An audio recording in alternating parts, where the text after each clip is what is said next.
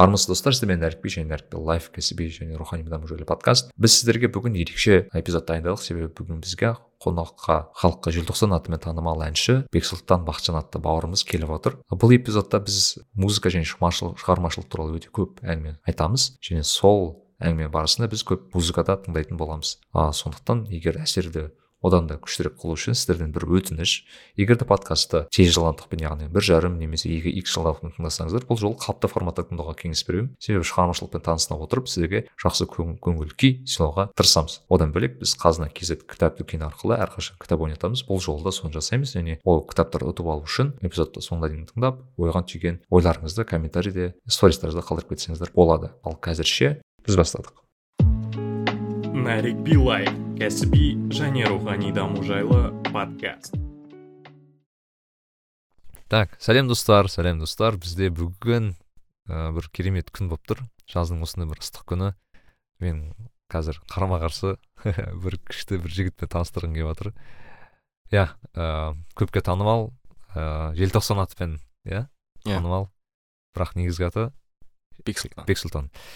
Иә бексұлтан қош келдің алматыға. иә қош көрдік иә бексұлтан негізі атыраудан келді иә мхм иә мен жалпы атыраудікімін атырауда тұрамын иә бүгін өте енді тығыз график білемін өзі сондай бір кеше концерт болды білсем мхм содан келіп бізге қосылып жатрсың иә иә енді мен шын айтайын ыыы сенің былай қазіргі шығармашылығымен уже біраз болды таныс танысқалы бері ең бірінші мен ә, маған желтоқсан деген кезде почему то бірінші рет мен чил чил деген өлеңді тыңдадым да. И мен мынандай ой кетті. Короче мынау чил чил деген бір бір жеңіл ән болып көрінді. Иә шын айтсам желтоқсан деген ат бір ауыр болды да маған. А чил чил как то бір жеңіл көрінді. Ну ойлады значит сондай өлеңде жазатын шығар деп. Бірақ кейін сол мен нені тыңдадым? Жайықпен жүздескенде тыңдадым. Жылтырақтар болды. Тағы тағы өлеңдер тыңдадым. Жалпы сол кезде бір ерекше әсер қалдырды енді. Маған қызығы сен атырауда отырасың иә иә? бірақ сен ә, былай фулл тайм әнші емессің мен білсем. Жоқ жоқ жоқ өзіңнің жұмысың бар. Мхм жалпы өзің былай қай жақтан қай жылы тудың қай жылы неде бітірдің айтып жібересің ба бәрін қысқаша ма? Аха. Иә чил қызық болды негізінде иә арасында біз де көңіл көңіл көтереміз демаламыз. Сондықтан сөйтіп шыққан өлең ол чил чил деген. Просто демалып отырып андай қалай айтсам болады бүкіл жауапкершіліктің жүгін алып тастап деп сондай короче. Чил вайпта шығарылған өлең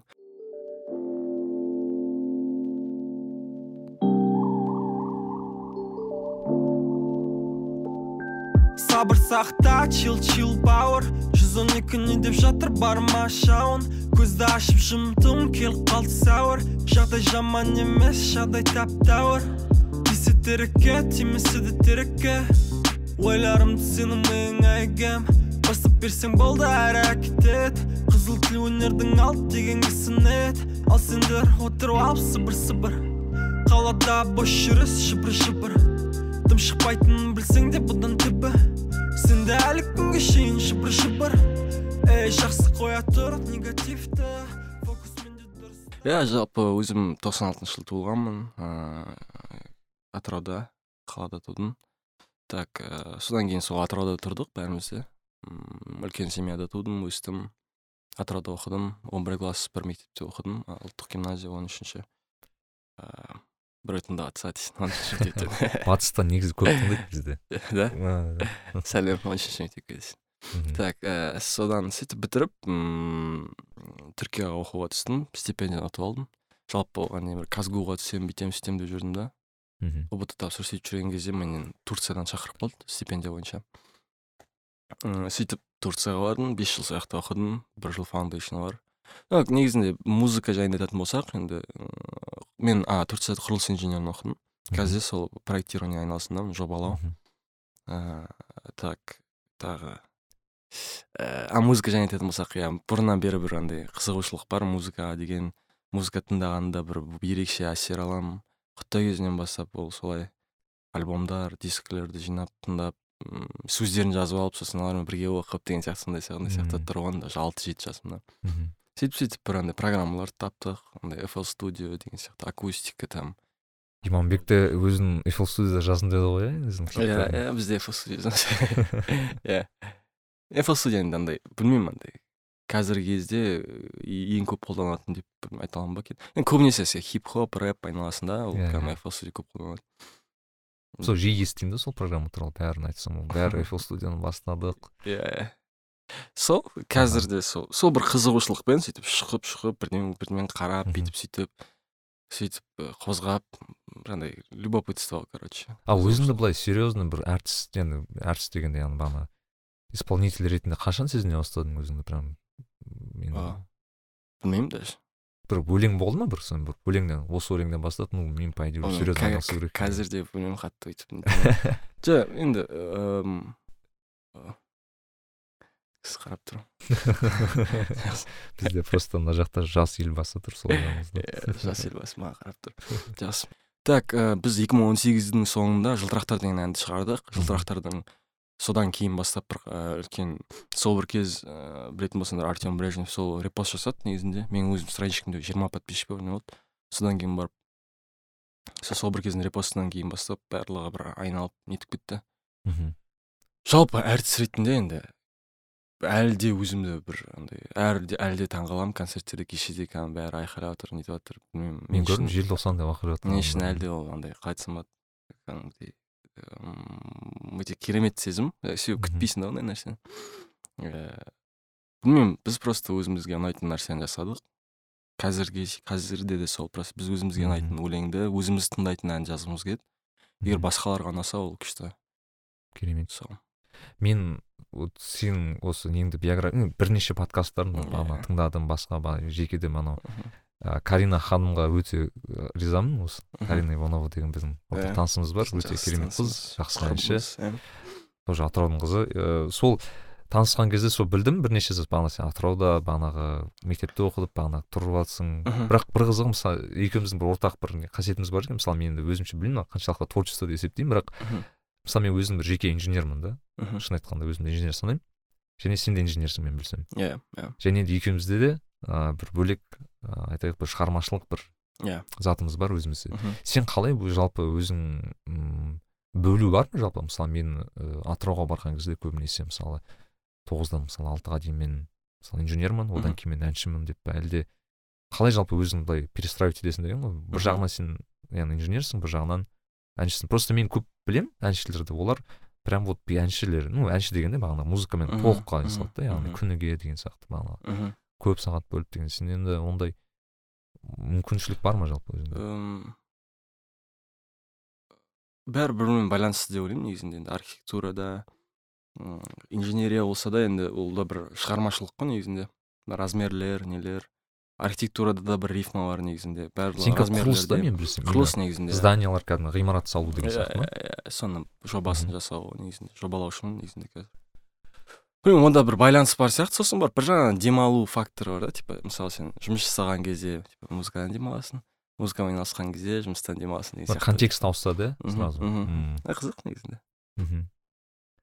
ал мындай бола ма мысалы проект жасап отырып бір музыка келіп иә Бола ма? иә обедте отырып соны типа есіме сақтап аламын да обед түскі үзіліс болған әлде жұмыста отырып та просто мен бірдеңе ашып жіберіп жазып жазып мысалы жазып жіберуім мүмкінмін да типа сохранить етіп қоямын болды сосын барып қайтадан жұмысыма кірісемін себебі кейде болады ол өте бірақ сирек болады жиі болып тұрады деп айта алмаймын бірақ болған кездер болды шынымен де иә күшті Иә. мен жалпы айтқым келгені осы да мен кейде болады ә, бір ауылға барасың немесе басқа елдерге барасың. Мысалы бір жас балалар бар да мысалы.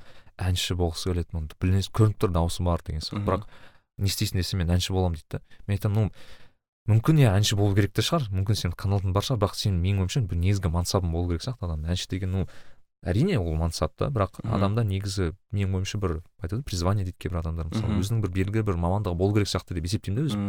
Мысалы сен құрылысшы болсаң инженер болсаң мхм. тағы басқа адам болса. Бірақ әншілік жалпы осы творчестволық бір осы бір заттарды м параллельно алуға болатын сияқты да. Мысалы сен маған жақсы осындай бір айқын Иә. мысалсың да соған? Ә, параллельно болады. Енді адам адам әртүрлі болады деп есептеймін. Бір адамдар просто сонымен қатты өмір сүретін адамдар бар да. Кәдімгі басқа ештеңемен айналыса алмайды тек қана музыканы ә, соны ғана сүйетін адамдар болады да. Оларға уже дауа жоқ. Менше тек қана олар әнмен айналысады. Значит Со- сосын оларда ол жақсы шығатын болады да. Білмеймін менде мүмкін бірдемелер өзгеретін болар алдағы уақытта. Бірақ та мен әзірше осылай екі бағытта ұстағым келеді. Себебі екі бағытта мен үшін қызықты және маңызды сияқты да. Себебі ол андай ғимараттар да қалалар да біздің адамға қатты әсер етеді. Біздің сосын қалалар жалпы ғимараттар өте жақсы емес жағдайда меніңше. Алматыда еще кішкене более менее бірдеме бар. Мен болдым атырауда иә атырау енді.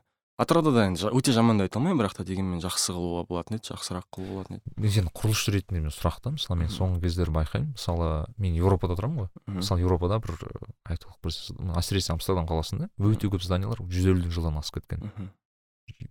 мың жеті жүз нешінші жыл мың сегіз жүз нешінші жыл дейді. Әлі тұр да үйлер. Иә. и мен болады мысалы алма даже вроде как алматы жақсы салынған қала да барасың и көресің бір бір ғимарат он жыл ғана болған уже түсіп жатыр да бәрі. Иә. Ойлайсың ну блин мынау здание по идее жүз жыл тұру керек здание ғой иә. былай қарасаң мхм. или мысалы көп байқайсыз ба мысалы ескі алматының мысалы орталық э, ескі алматы дейді ғой мысалы сталиндік кезінде ғимараттар бар? Әлі күнге дейін бір эстетикасы бар иә байқасаң Мхм, мен білмеймін өзіме өзі бір әсіресе ана тулебаевка деген тулебайка дейді бізде. Иә иә соның бойындағы зданиялар мысалы маған ерекше бір алматының бір ескі көрінісін береді да. И кейін ойлаймын ну жаңа зданиялар қаншалықты ол эстетиканы береді кейін деймін да? Бізден кейінгі ұрпаққа деген сияқты. Сондай бір- иә м енді ол жерде білмеймін жүз жүз елу жыл ол кезде өте үлкен бір андай не болады ғой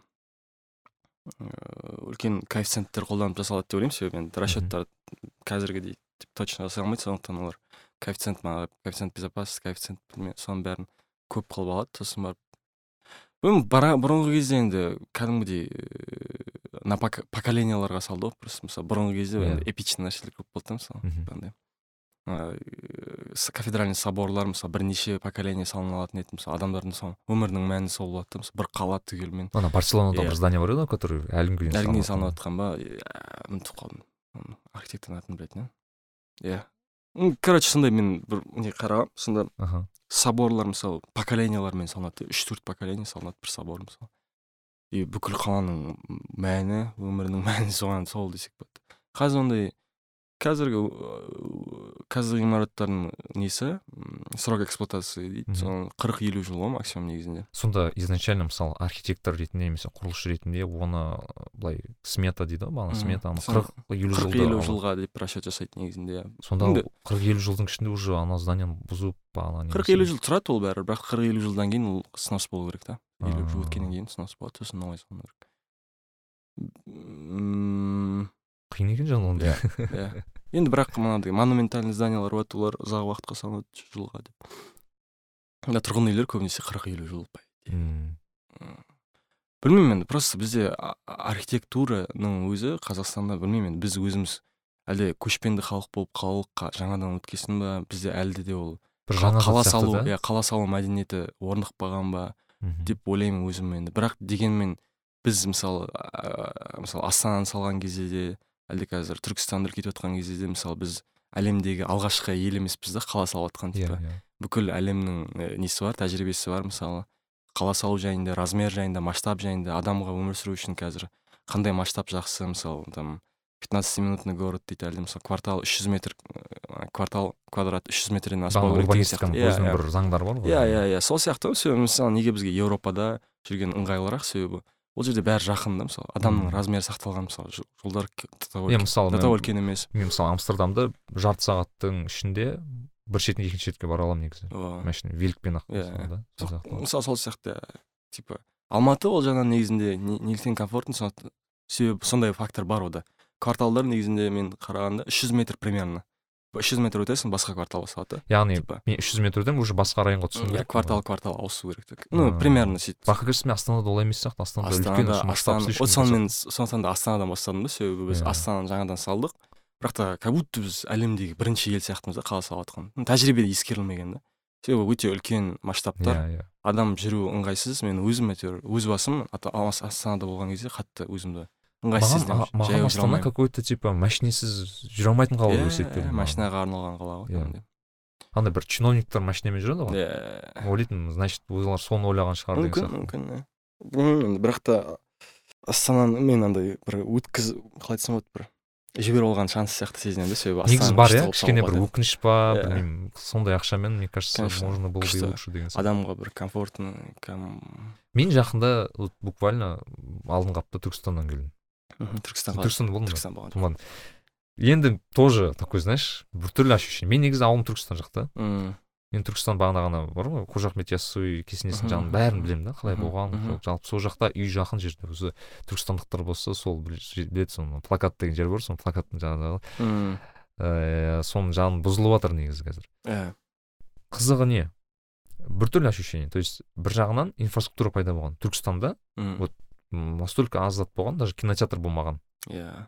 То есть буквально жастар кинотеатрға бара алмайтын да сондайға дейін болмайтын да. Иә. қазір традициялар мен пайда болды бірақ проблема в чем вот сен айтпақшы как будто бұған дейін қала болмаған сияқты. Мгм, они решили короче э, мавзолей вот смотри вот, дизайн, вот архитектор ретінде сұрақ. Мавзолей это же как бы здание оның ішінде адам көміліп жатыр негізінде. Иә. это по сути мазар иә. қарасаң иә. Астында там біздің абылай хан жатыр бағана қожа ахмет яссауи жатыр қаншама батыр жатыр деген сияқты. И мысалы аллеяның жан жағын бір ну типа ну трц как будто меганы алдын саған сияқты жасаған да мысалы. Бағанағы иә, светтар там э, типа газон төсеп деген сияқты. И как то думаешь ну насколько даже этически это нормально совпадает. Там же люди типа, көміліп жатыр иә негізінде иә и сен бағанағы не болып қойғансың деген сияқты. И ладно это ок былай кішкене былай жүрсең они построили какой-то кішкентай бір қаланы. Қала емес не біз керуен сарай деген бір нені салған М, иә все все и өте бір странное ощущение потому что там трц ғой по сути ана жер. И там типа венеция жасаған ішінде Иә, деген сияқты иә, көрген шығарсың и ә, странные то есть они вот алтыда венеция салды. Түркістан білесің ба ең номер один бір проблемасы айтайын ба қандай су. Е, су жоқ түркістанда. Буквально то есть мысалы батыста жайық бар мысалы да. Бар, а И таза оңтүстікте жайық жоқ мысалы. Сырдария бар ол бірақ там басқа жақта да кішкене. Иә, и түркістанның басты проблемасы неге қуаңшылық болып жатыр су жоқ. И мен біртүрлі болды что именно су жоқ жерде они решили вот показать что бізде су бар деген сияқты. немесе ыыы буквально там кофейнялар тұр. Мысалы кофейня тұр. Вот мысалы кесененің алдында там кофейня тұр да. Кофейняда мысалы кальян бар да мысалы. Иә ойлайсың ну типа прикинь вот сен отырсың да кальян шегесің и сен кесенеге алып тұрсың а там типа адамдар көміліп жатыр Иә. деген сияқты. еще ясауи ясауи ясауи кесенесі ну типа это же ең бір тақуа кісілердің бірі ғой негізінде. И как то қаншалықты дұрыс и андай вот смотри вот э, европада как у европей я знаю просто что европейцы андайларды ұнатады мысалы ә, аутентикасы сақталған жерлерді ұнатады да мысалы иә болады ғой мысалы бір парк ештеңе өзгермеген деген сияқты иә мен ойлайтын блин а может быть не надо было делать? деген сияқты типа өзгертіп бұрынғы қалпында қалдырса может быть просто инфраструктуру поменять деген сияқты өзің не ойлайсың сондай бір нелер жайлы түркістан жайында ма вообще. Так. Манағылар қызық екен негізінде иә білмеймін енді оны көру керек қаншалықты. Бірақ ыыы конечно ясауидің айналасында көп манағы нәрселер қате сияқты меніңше. Бір- оған риза болмайтын сияқты типа. Так. Э, жалпы айтқанда енді түркістан түркістан қызық нәрсе негізінде мен э, бір алдында урбанистпен сөйлестім а, бір кездесу болды сол кезде вообще неге шымкентті түркістанды дамытып жатқан жөнінде типа себебі қазір өзбекстан ташкент не да? Көп инвестиция құйылып жатыр. Именно геополитический нәрсе деп сосын Түсіндірді ма? түсіндірді негізінде. Маған бір қызық болып көрінді негізінде. Ну өзім үшін бір түсіндірме тапқан сияқты болдым да оны неге ішіне салып жатқан себебі ташкентке көп инвестиция құрылып жатыр құйылып жатыр. Ол жер мысалы көтеріледі и соған типа противовес болу керек та. Сондықтан типа шымкент қазір не манағыдай республикалық дәрежесі бар қала болды түркістанға манағыдай облысты атағы беріп қазір түркістанды көтеріп жатыр типа. Ну примерно логикаға келеді ол себебі геополитиканың нәрселері ғой. Біз сондай бір расчетпен жасап жатқан болар деп ойладым. Мгм. қызық бірақ дегенмен енді опять таки оны енді бізде просто мынандай архитекторлар аз болғасын. Бірақ архитекторлар бізде бар бірақ та опять таки системаға келіп тіреледі да бәрі. Мысалы мысалы мемлекет бар чиновниктер бар ол манағыдай қаланың архитектуралық несі бар манағыдай басқармасы болады. Ол жердегі адамдардың уже э, қол қоятын манағыдай аппрув беретін адамдардың э, дәрежесі төмен болған жерде уже манағыдай билік өтіп кішкене анау мынау нәрселер болып кете болып кете береді деп ойлаймын. Себебі біздің атыраудың өзінде де архитектурада неше архитектор бар деп сұрасаң мен білмеймін неше екен. Екіге бірге может жете ма жетпей ну типа архитектурасында аз да. Жоқ вообще почти. Мм. Э, неквалифицированный адамдар отырады көбінесе енді мен де архитектор емеспін мен енді мен проектировщик құрылысшымын. Мен өзім қазір просто архитектура менің бір қызығушылығым. Енді ары қарата өзімді дамытқым келетін сала негізі архитектура деген. Өзің сонда көресің ба сонда? Өзің бір архитектор ретінде? иә көре аламын. Кө- көргім келеді по крайней мере. А бір бар ма мысалы сенде бір? мысалы атырауда бір ыыы айтайық бір белгілі бір здание болсын бір ну белгілі бір ғимарат салғым келеді деген сияқты атырауда ма? Иә. Пока ондай ой жоқ бірақ дегенмен атырауда мен қазір. Атырауда жүрген жүре берген жүрген сайын жалпы қазір енді есейіп жатыр ә, атырауда мен өзімді күшті сезінемін комфортно сезінемін бірақ минустарын байқаймын мысалы. Көп енді минустары мен үшін көбінесе мана урбанистика жағынан байқаймын да манағыдай. Адам более астана сияқты айтып жатқанымыз адам жүруге арналған қала болса көбінесе манағыдай ә, пешеходтарға жол салып мына велосипедистерге деген сияқты. Сонда бір қала ә, тіріледі да. Себебі қаланы тірілтетін ол жаяу жүргіншілер негізі шынымен де. Жаяу жүргіншілер көбейсе өзінде еуропада да байқайсың. Мысалы Иә. жаяу жүретін көбейсе көшедегі мысалы бизнес дамиды мысалы. Көшеде бизнес дамыса олар там үлкен тағы да бірдеңе вообще бізде бар ғой мысалы бірінші этаж деген зат бар ғой мен осыны қосылғым келеді да. Бізде бірінші этаж деген всегда под бизнес береді ғой. Бірақ Иә. бірінші этажда мысалы европада андай да бірінші этажда адам тұрады негізінде. И сонысымен қызық та ол жер. То что адамдар өтеді и жанында бизнес тұрады мысалы жан жағында. То есть пешеход жүрген жерде бизнес көбейе береді ғой иә мысалы. Иә иә соны мен кейде сен айтпақшы түсінбейді деген сияқты как будто мысалы бізде бір бір алматының өзінде панфилов бар бір екі көше бар. Бизнес дамыған да бірақ вот сен алда мысалы построй вот көше где вот только вот фасад сондай әдемі жасалған. Иә. жүргіншілерге арналған. Өйткені андай ғой типа егер сен жаяу жүргіншіні ыыы приоритетке алсаң сен машиненің приоритетін азайтуың керексің мхм. соответственно. Ыыы деген сияқты сондай бір енді ол иә ә, бірге жүре алмайды бізде әлі де андай нәрсе бар ғой типа пробка бола ма жолды кеңейту керек деген нәрсе. Да, ол оған дәлел уже дәлелденген нәрсе да жолды кеңейте берген сайын ешқандай пробка азаймайды өйткені машина көбейе береді өйткені машина көбейе береді сосын по любому ана бутылочный горлышко дейтін нәрсе бар ғой дұрыс айттың андай типа мысалы сен по любому үлкен жолда бізде мысалы атырауда ол мосттар да. Мысалы бізде жайық бар ғой. Мысалы ыыы, жайық болған жерде ііі бәрібір де машиналар мосттан өтеді да. Сен мысалы жолды кеңейте бересің бірақ мостты кеңейте алмайсың. Енді мост бәрібір сен көп машина келеді по любому сен мосттың алдында тұрып қалады да машиналар. И короче ботлнек дейді ғой ағылшынша. Иә иә батлнек қой сол вот вот Иә. түсіндім. Короче бәрі жиналып қалатын бағана пробка жиналып қалатын пробка болатын жерлер. Алматыда да енді білмеймін қай жер екен бірақ по любому бол алматыда мысалы алтын орда жақ сондай мне кажется Мм. шығар бер шығар бірақ алматының бір несі олар параллельно жолдар көп та адамдар басқа альтернатива таңдай береді короче. Иә иә иә. квадрат болған жерде. Сондықтан да біздің атырауда ондай жоқ. Бізде көшелер ондай квадрат емес. Бізде сол барлығы барады да мостқа тіреледі короче. Егер бір мост жасамай қалса бітті короче бізде. Кейде ремонтқа бірдеңе тұрып қалады. Қала қала парализован короче да. Жайық өйткені не болып тұр ғой да? Жайық қаланың ортасында ғой бізде а екіге дәл ортасында иә. Сол ыыы енді қызық екен бұл. Қызық сондықтан да машинаны машинаны азайту керек просто. Машинаны азайту үшін жаяу жүргіншіге приоритет беру керек сен айтқандай. Сонда Иә. олар мысалы велосипедпен либо мысалы немен общественный транспортпен жүрсе мхм. қо- қоғамдық транспортты дамытса қазір енді қоғамдық транспорт бізде атырауда более менее нормально бұрынғыдай емес уже кәдімгі таза. Жазда қазір отырсаң кәдімгі қатып қаласың тоңып қаласың кондиционер. Суық па? Жалпы қыста?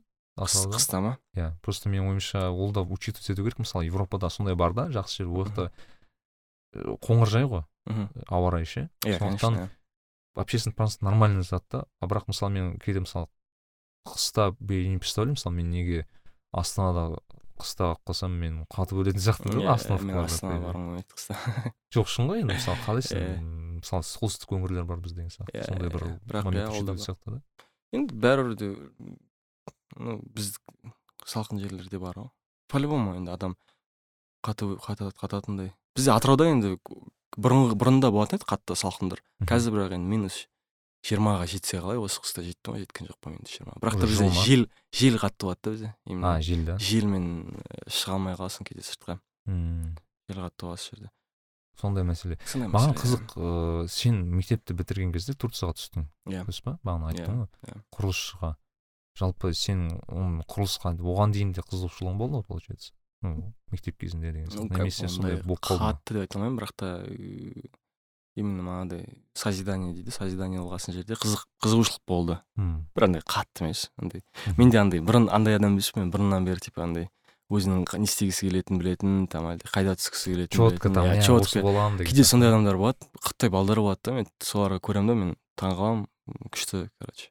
Себебі кейбіреулер мысалы алтыншы класстан алдында бір бала айтқан танысы бар екен да алтыншы класстан бастап айтқан да мен доктор боламын короче. Болды все сөйтіп до конца оқығанға шейін соған дайындалған даже тоғызыншы оныншы класстарда кітаптармен нетіп дайындалып там өзіне перевязка жасаған ба короче бірдемелері бар короче. Ну типа сондай да кәдімгідей оқуға түседі там.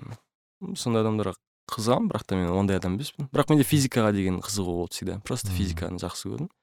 Физиканы жақсы оқыдым. И типа э, он бірінші класстарда мен бірнеше мамандық болды сол. Либо техническая физика либо сол құрылыс деп. Мен негізі казгу ға техническая физикаға М, бірақ та ана жақтан құрылыс шақырды. И мен сосын барып ойланып қалдым да турцияда еще құрылыс короче окей бару керек деген сияқты.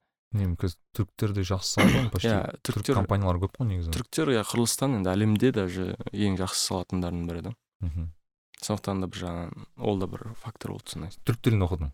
Иә. Мен түрікше оқыдым. Түрікше оқыдың. Türkçe çok güzel konuşuyorsun de kızım. evet abi. Olur yani. Çok çok da güzel değildi ama yani birazcık olabilir. Istanbul? жоқ кайсери Кайсер. Мен алдында сөйлескенде сен тоже арамызда бір болып қалды сен айттың ә, бір кейбір өлеңдерді турцияда жүрген кезде жаздым деп па? Мысалы анау не кажется бекболат тілеуханның өлеңін иә иә иә иә. япырай ғой. Япырай. Оны бастап қойдым мен турцияда жалпы.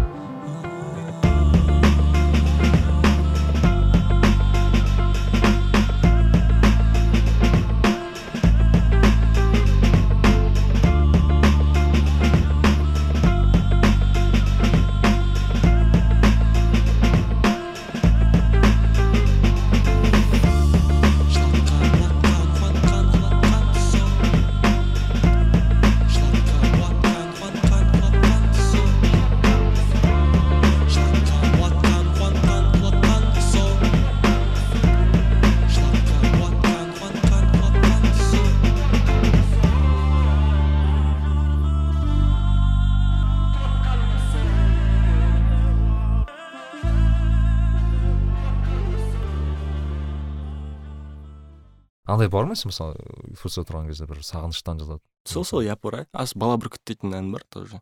Ол да инструментальный. Соны мен именно четко есімде қалай жазғаным вообще бір кезде отырдым да общагіде бөлмеде. Сөйтіп кейде мен андай андай нем болды мен аптада хотя бы бір рет сондай бір уақыт болады бір екі сағат кәдімгідей демалыс күні андай кішкене босайсың да наушниктің астында ыыы ютубты ашасың. Гакку ол кезде кәдімгідей күшті нәрселер шығаратын болды иә. гаккуге кіремін да ыыы просто бүкіл шыққан нәрселердің бәрін тыңдап шығамын примерно. Қазақ Кәдімгідей- музыкасын да? Иә иә именно гаккуде шығып жатқан нәрсенің бәрін тыңдаймын. Мм сөйтіп в принципе в курсе жүретінмін вообще не болып жатқаны жөнінде. Сосын барып андай клиптер шықса кім түсірді кім режиссер кім оператор там қандай режиссерлар қазір түсіріп жатыр кім не істеп жатыр соның бәрін просто өзіме қызық болды білмеймін не екенін.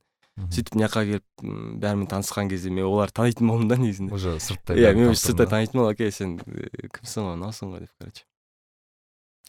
Сол сондай кездердің бірінде сөйтіп просто мен сөйтіп гаккуден бастайын да сосын ол күні вообще че то андай күйлер бірдемелерді тыңдап кеттім короче слишком иә, халық әндерін тыңдап иә иә слишком кәдімгі тереңдеп кеттім сосын барып сол манағы роза рымбаеваның бала бүркіт жоқ бала бүркіт емес бір баланы орындағанын естіп қалдым да сөйтіп басым ауырып қалды сосын барып сөйтіп сразу скачать етіп алып қиып сэмплерить етіп короче бит жасап сөйтіп сөйтіп сөйтіп сөйтіп бала бүркітті жазып тастағанмын қызық болды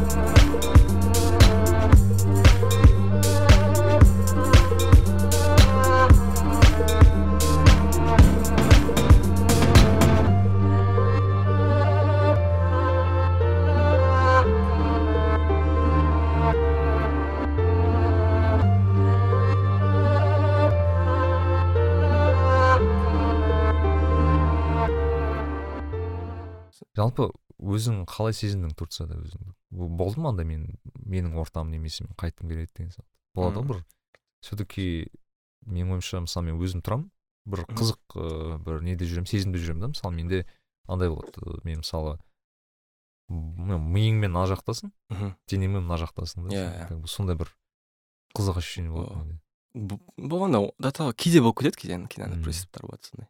Сағынып кетесің анау мынау. Бірақ та көбінесе нормально негізі түріктер себебі. Түріктермен ортақ тіл табу оңай өте ашық халық. Мм сосын барып шеттету деген сияқты нәрселер вообще сезген жоқпын.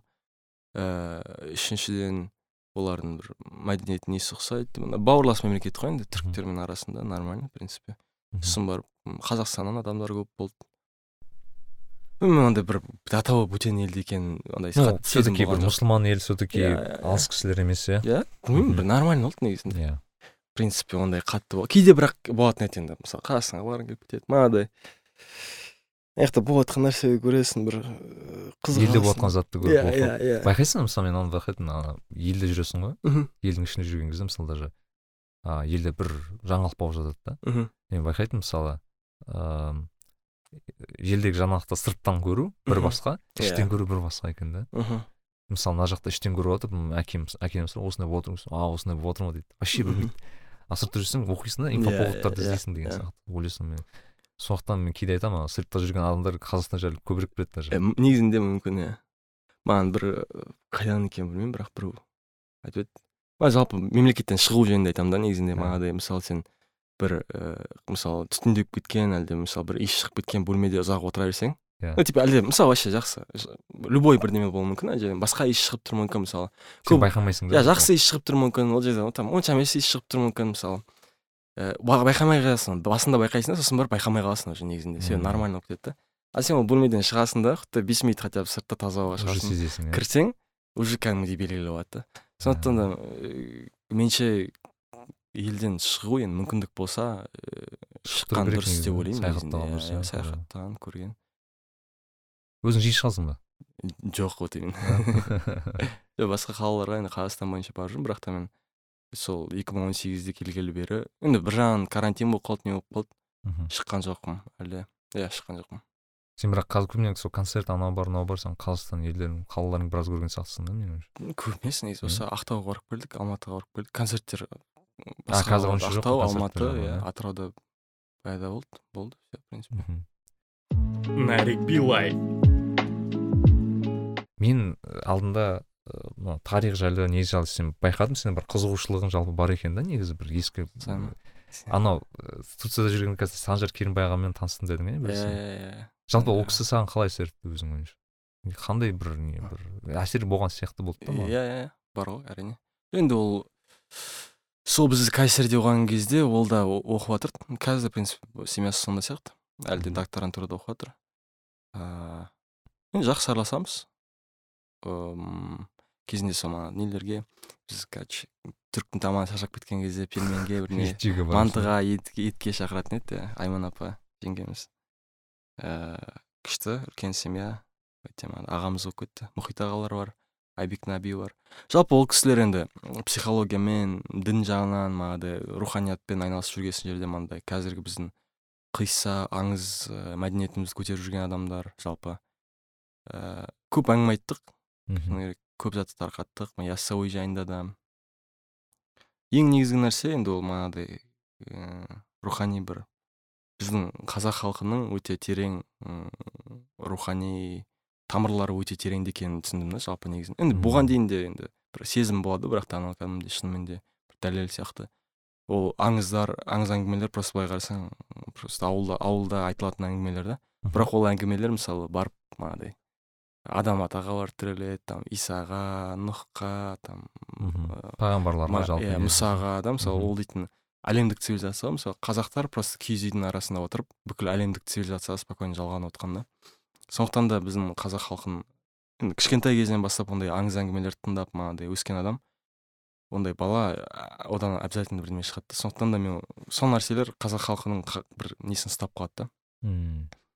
Қызық өте біздің так тағы қандай нәрселер психология логотерапияны қатты зерттеп зерттеп тастаған адамдар олар. Франклды виктор франклды ол кісі білесің фрикл фанклдың кітабын қазақшаға ма аударған иә қазақшаға аударған аудар ауд- ол аударма ретінде саналмайды негізінде.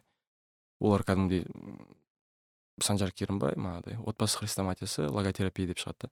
Себебі ол жерде аударма аударма бірақ та олар өздерінікін қосқан да манағыдай. Қазақтықпен ал- араластырып Иә, иә, иә. абаймен шәкәрімнің нелерін келтіріп қиссалар қосып там біздің мысалы тұлғалардың өмірінен естеліктер беріп мысалы. Өте жақсы аударған себебі ол құр ыыы манағыдай с- құр аударма болса ол халыққа былай өтпес еді деп ойлаймын. Себебі халыққа жетті мынау кәдімгідей. Неше неше неше тиражбен шығарып жатыр уже неше рет шығарды уже білмеймін. Бірақ кәдімгідей көп сатып жатыр мхм.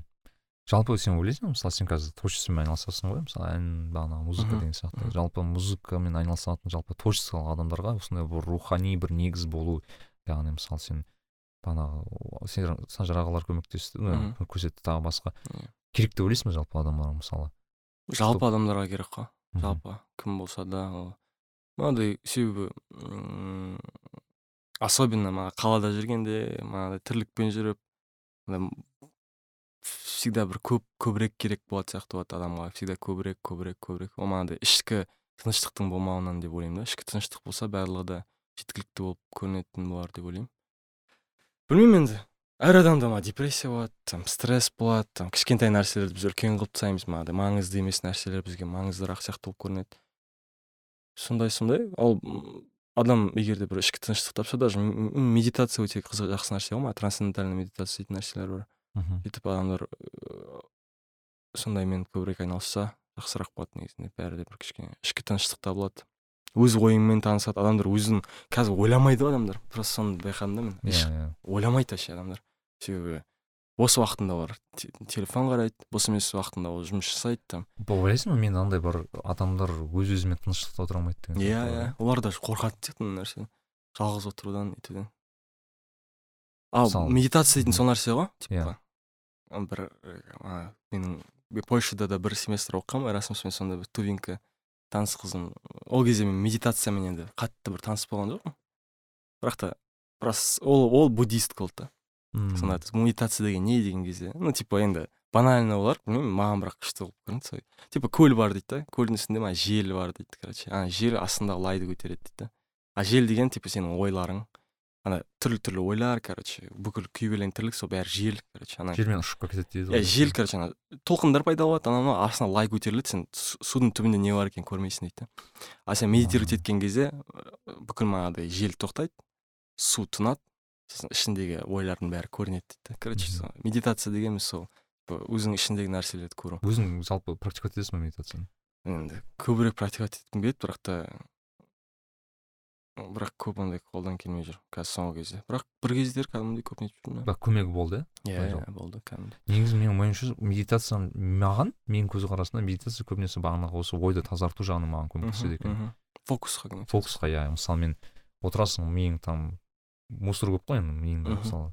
Сосын ойлайсың мынаны тазартып тастау деген қалай енді ой тоқтамайды ғой негізінде. Мхм. Соны бір Иә, ой контекстте бір өшіріп қосатын бір негіз сияқты болып көрінді да маған медитация деген күшті күшті нәрсе всегда бір нетіп қаламын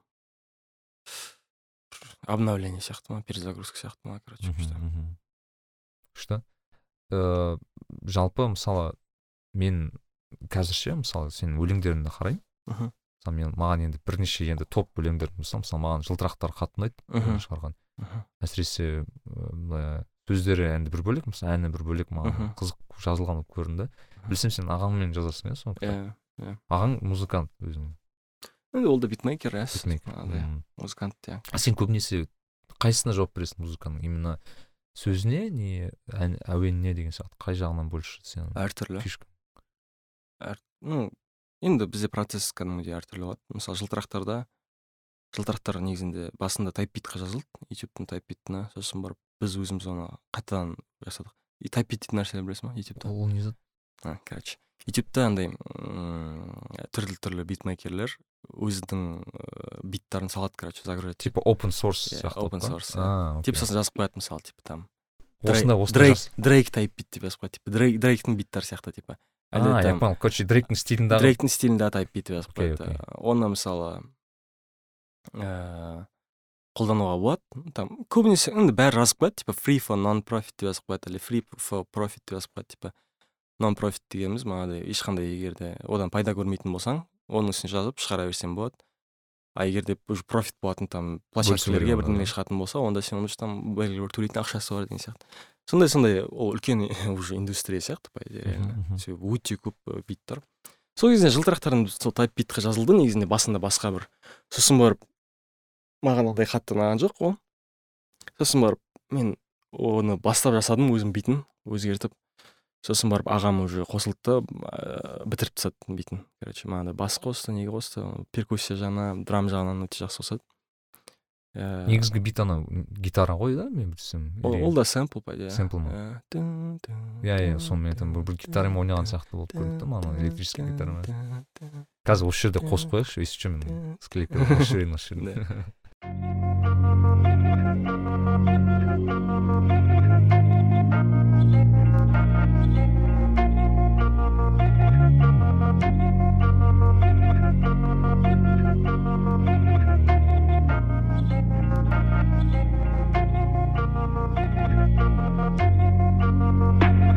қыз ойлады жылтырақты алтын деп иә иә қалағаны тек аппақ көйлек иә аппақ көлік иә иә иә иә қыз ойлады бәрі оңай болады деп көзбен атам тек деді иә иә бәрін әкең саған асықпа деді. Неге ойларың жырақта үйден басиып келіскендей кейіп танытқанмен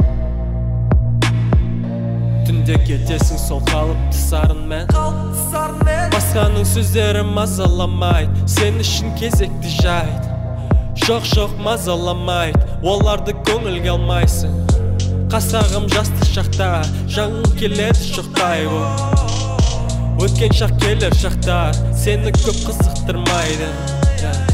Жұмақтың кілтін қайтесің шағылысқанда сәулелер. Айналып отты егінші билейді сұрайды жаңбыр жауғанын нөсерлер. Я. Саған ол керек емес сен әлде қайда биіктесің? Құбылады құм мінез бірде түлкі бірде таз рөлдесің. Күн ауысады түнге бұрылады өзенде керексіз әрекет жабыстың пәлеге көргенде белгілерді қайта қайта тексересің сақтансаң сақ деп білесің іштей бір затты сезгенсің қаншапты басқа айнала кетті бұлдырап қалай сезіндің өзіңді тапқанда шыны шөлмек түбінде жалғыздықта ей қыз ойлады жылтырақты алтын деп иә иә. Қалағаны тек аппақ көйлек иә аппақ көлік иә иә иә иә. Қыз ойлады бәрі оңай болады деп көзбен атам тек деді иә иә бәрін. Әкең саған асықпа деді неге ойларың жырақта үйден неге ойларың жырақта үйден неге ойларың жырақта ойларың жырақта үйден неге ойларың жырақта үйден неге ойларың жырақта иә жылтырақтар сол жылтырақтар жалпы. А текст өзің жаздың? Текст өзім жаздым иә маған всегда текст қызық болатын осы өлең шын айтсам. Мысалы андай қылып көрінеді да бағана сен айтып отырдың ғой бірде бір американский стильдағы бір тексттің бір қазақша баламасы сияқты қылып солай ғой так негізінде. Солай иә? Жоқ солай қойғанда ол тікелей аударма емес. Иә. Led zeppelиннің ііі stairway to heaven дейтін өлең бар. Иә. Сонда ең бірінші строчкасы сол. Ііі there is a lady who's sure all the glitter is gold дейді короче сол бірінші бірінші сөзі қыз ойлады жылтырақты алтын деп иә иә иә сол короче. Енді оны барлық жерде айтамын короче просто ол сол строчка маған кәдімгідей келді Мгм. типа сол келетін сияқты болды кәдімгідей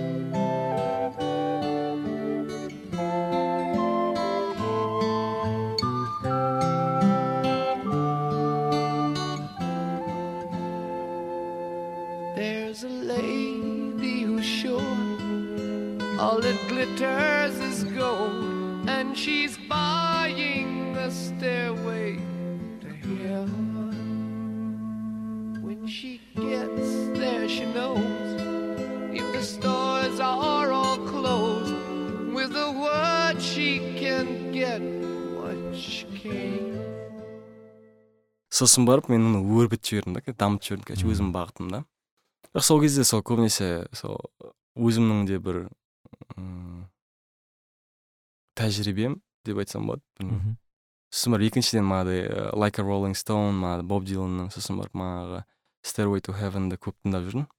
Сол менде де сондай бірдеме жазғым келді кәдімгідей өзіңдікін ба менде сондай бірдеме жазғым келді бірақ қызық мысалы жылтырақты қ- қызыл өлеті жылтырақты алтын деп қалағаны тек аппақ көйлек дедің иә сонда типа пак көлік иә иә иә иә. как будто типа андай андай ощущение қалдырды что мысалы қазіргі ана жастардың жалпы жа- қазір қоғамда болып жатқан сияқты что алтын кішкене жылтырақтарға қатты көбірек көңіл бөледі деген сияқты қылып мен түсіндім да оны больше текст мысалы. Сен қандай бір смысл болды ма оның артында өзіңнің? Мен ана кім тыныштық бар ғой білесің ба қоңыршат недегі жаңа сөздіктегі иә иә иә иә сонымен сөйлескенмін өткенде өткенде кездестік сонда ол айтады маған жылтырақтар ұнайды деді да сосын барып бірақ ол мизогин сияқты дейді мизоген деген қалай мизогин деген по моему ну если қазір шатастырмас мизогин дейтін типа андай қыздарды же- жек көрушілік емес әйелдерді жек көрушілік бір хейт бар сияқты хейт иә, мизогиния деп соны айтады бірақ ол жерде қыздар дегенде андай абстрактный сияқты абстрактно иә иә жағынан енді мен де білмеймін деп қойдым енді ол кезде может быть енді кім қалай қабылдайтыны белгісіз ғой бірақ та енді менде ондай бір ііі ой болған жоқ. Просто бір бір ғана адам сияқты да мысалы менде просто өзімде типа бір кездер манағыдай м, енді бір кездері клубтарға бірдемелер көп барып жүрдім. Польшада особенно сондай бір кез болды. Сонда ыыы кейде кейде мен сөйтіп почта жүріп андай бір қарап кететін едім да короче білмеймін. Ну просто жүремін жүремін да андай. Просто көзім түсіп кетеді. Как будто бы сондай сияқты бір вайп болатын сияқты. А на самом деле может ыыы, менің өзімнің негізі проекциям ғой негізінде былай қарағанда. Біз біреу жай айтқанда көбінесе өзіміз жай айтатын боламыз. Иә иә. Но по любому енді қоғамда да ондай нәрсе бар материализм деген сияқты ол абстрактный нәрсе шынымен де. Ол қоғамдағы материализм көбінесе манағыдай материалдық жаққа көңіл бөлу руханияттың төмендеуі деген сияқты сондай нәрселер ғой негізінде. Ііі жылтырақтар енді абстрактный. Даже атын атының өзі алтын емес неме жылтырақтар Иә, ғой иә, именно иә, типа жылтырайтын заттар жылтырайтын заттар иә. Как будто андай бір знаешь ыыы көңілге көңіл аулайтын заттар деген сияқты сол ғой иә. Алдайтын нәрсе алдайтын нәрсе ғой көбінесе сол типа. просто менің айтқым келгені ол жерде негізі шынымен де андай типа ә, жастық шақ басқа нәрселер үшін берілген деген сияқты. Бізге көбінесе сол жастық шақты там. Қалай да жастық шақ келер шақта көп қызықтырмайды ма сондай емес пе иә мен жаттап алғанмын негізі. келе шақтар сені көп қызықтырмайды иә сондай ғой типа андай бізде андай қазір өмір сүру керек типа вот біз қазір типа бүйту керекпіз сөйту керекпіз там күшті көңіл көтерген бәрі де жақсы ғой бірақ та дегенмен уақыттың өте жылдам өтіп кететіні сол соны айтқым келді да негізінде көп оған жылтырақтарға жылтырақтардың жылтырағанына типа алдану алдан алданып қалмаңдар алданып қалма деген сияқты анау нәрсе. текст ше мысалы жұмақтың кілтін қайтесің деген ше ол оның қызық болды жұмақтың кілтін қайтесің Шағылысқанда сәулелер осы жерін түсінбедім шын айтсам ол именно? Ну енді. Ана жайында. А окей. Анасын а жұмақтың кілті а окей. Енді түсіндім мен. Түсінбедім жылтырақ сәулешілер окей окей. Иә типа ананы да ұмытып кеткен деген сияқты. Иә бұл негізі маған сол жағынан концептуально ұнады негізі шын айтайын именно э, вот текст ұнаған өйткені бірінші енді әрине әуен ғой. Мхм. Мысалы әуенді тыңдайсың битін тыңдайсың уже қызық дейсің а потом мен текст тыңдай берсем блин а тут блин по идее бір мағына бар екен ғой мына өлеңде деген сияқты. Одан тыңдай бастайды и мен короче бар ғой ол, э, жылтырақтардан басқа мысалы анау жайықпен жүздескенде бар ғой. Мхм мен басында білмедім шын айтсам ол мұхтар шахановтың сөздері екенін. өйткені мен шын айтсам мен ондай әдебиетке не Иә. жоқ адам екенмін да. Иә, И ойладым, мына бала қалай мына текст жазды? Потом сен бір өзің айтып қалдың иә Мгм. шаханов иә. Шаханов менің есімде болса сен андай текст жайыққа бір жазғың келіп өзің жаза алмай жүрдің ба немесе бір ну типа сондай ниет болды жалпы иә. Типа мен өзім жайықты қатты жақсы көремін. Білмеймін енді содан бір қуат аламын. Алматыда жүрген кезде де мен кәдімгі жайықты іздеп тұрамын. Сондай. М иә соған арнап негізінде бір ән жасағым келді бір сондай бір. Жайықты кәдімгідей андай ііі ұлықтайтын ұлықтайтын емес көтеретін ұлықтайтын деп ііі сол сөйтіп отырған кезде мен кәдімгідей случайно шынымен де кәдімгі кездейсоқтық кәдімгі алдымда қызыл кітап тұрды мұхтар шахановтың соны ашып ішінен соны кәдімгідей көріп қалдым бар ғой. Е дедім короче. Менде де енді ондай бір күн сайын отырып там өйтпеймін ғой. Мхм. Ыыы бірақ кәдімгідей ана тиіп кетті маған. Сосын барып просто бүйтіп бір бірдемені қосып қойып там гитарамен бірдеме айтып отырып че то қызық бірдеңе шығып жатқан сияқты. Еще мен негізінде сол кешеде ііі жайықпен жүздескеннен бастадым концертті. Бәрі де қосылып айтып жатыр нетіп жатыр мен. Қатты таң қалдым да себебі мен альбом жазып жатқан кезде жайықпен жүздескенде мен тек қана бір өзім үшін бір трек болды да андай кәдімгідей. Мен андай вообще вообще андай не болған жоқ ой болған жоқ андай бір мына бір қатты ұнап қалады ау деген сияқты бар шын айтайын. Ну өзіме қатты ұнады. Бірақ ойладым андай «Э, скучновато че то короче ну по любому маған ұнайды бірақ иә маған ұнайды жақсы бола берсінші дедім. Бірақ оның көп версияларын жасадық біз андай кішкене динамичный жасадық там драмдар қостық ііі көп перкуссиямен версиялар бар. Бірақ негізгі версиясы гитарамен ғой оның иә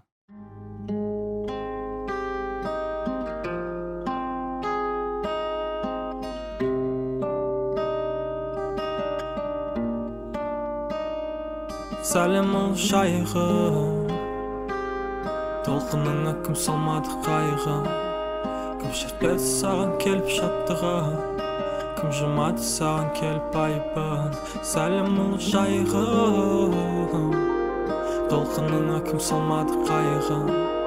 Кім шертпеді саған келіп шаттығын кім жумады саған келіп айыбын байқаймысың байқаймысың мына ғажап тамашаны бір адамға байланысты бір адамның болашағы байыппенен көз жіберсең асау жылдар өрісіне бір адамға байланысты бір адамның жеңісі де бұл замани қағиданың мүмкін бе екен көнермегі қозы көрпе жаман тұрса баян сұлу өлермеді исатайды жеңбесе жау махамбетті жеңермеді қайран ақын тағдырының соққысына көнермеді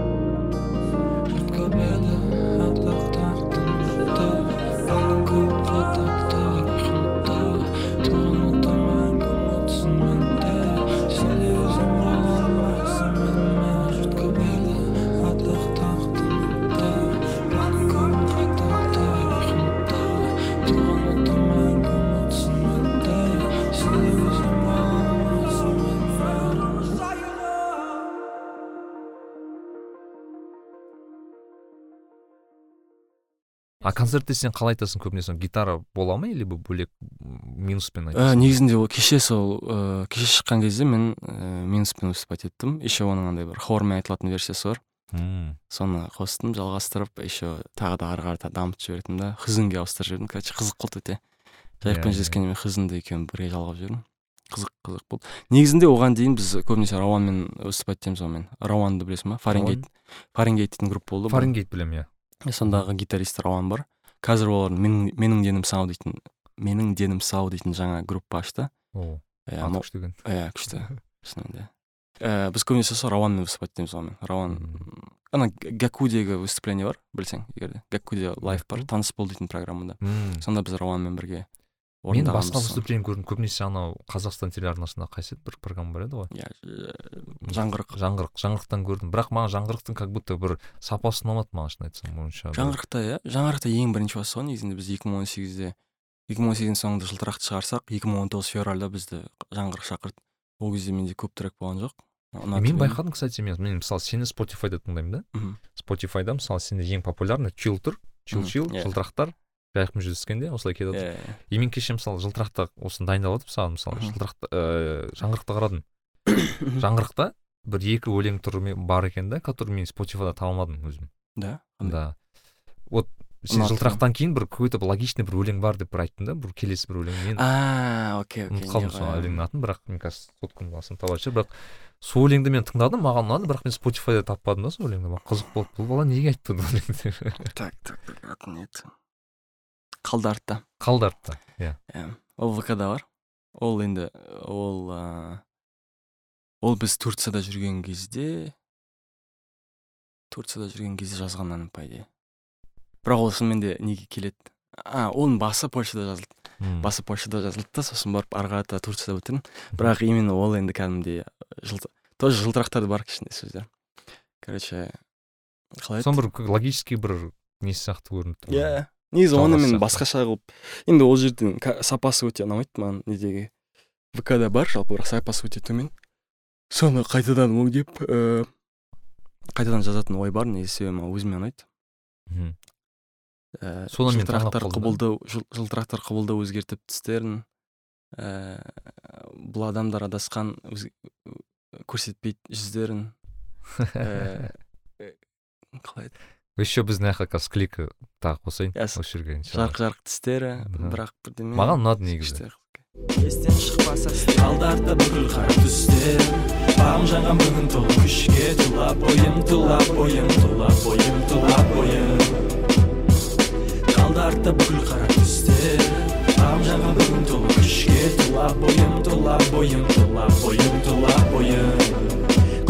Жасыл сары түрлі түсті бөлме. Шапалақтап қарап польша сәні бөлек. Майысқан белдері бұл жап жас қыздардың он сегіз жастары. Мәңгілік он сегіз бұл қыздар жастары.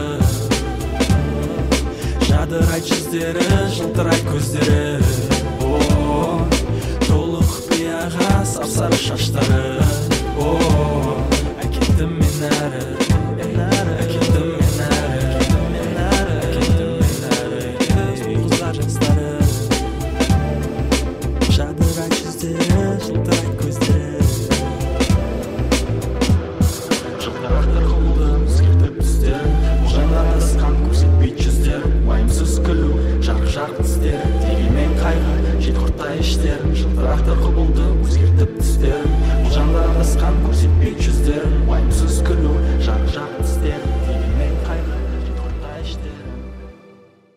Сол кезде жылтырақтардың бір темасы бір андай метафора ретінде бір ііі теңеу ретінде сол же- сол кездерден басталды негізінде. Иә. сонымен жылтырақтар жылтырақтар жылтырақтар деп жүрдім ақыры сөйтіп сөйтіп жылтырап кетті ма бәрі?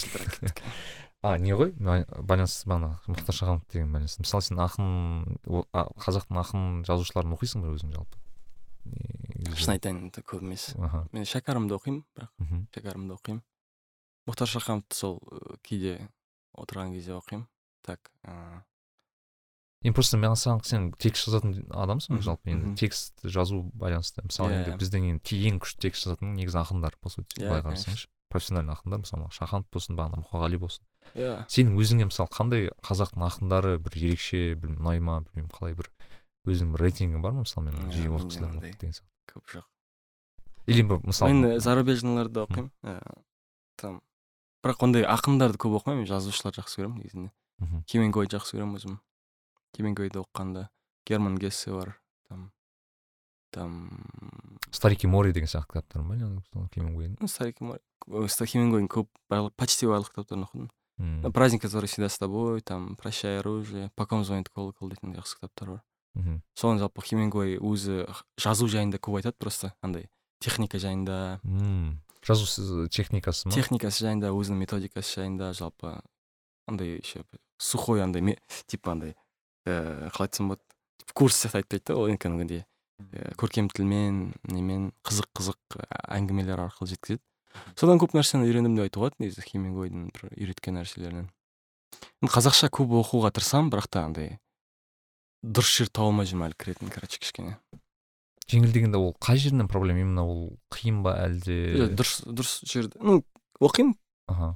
Аудармалар оқығым келеді бірақ аудармалар өте бір қиын Қиын, иә. ссср дің кезінде аударған нәрселер өте қиын оқу. Себебі олар ә, оригиналдан емес орысшадан аударған да. Бір сондықтан да онша бір натурально аудармаған сияқты иә орысшадан аударған ол солай болып көрінеді всегда а егер де ори- себебі ол аударма деген ол жақсы ең күшті аудармашы болғанымен ол бірдеме жоғалады да ортадан еще сен оны аудармадан аударсаң вдвойне жоғалады да. Екі есе кәдімгі жоғалтасың сен. И все уже қазақшасын оқыған кезде анау а сен мысалы хемингуэйді ағылшынша оқыдың ба әлде орысша оқыдың ба? Ағылшынша да бастадым бірақ көбінесе орысша оқыдым. Иә.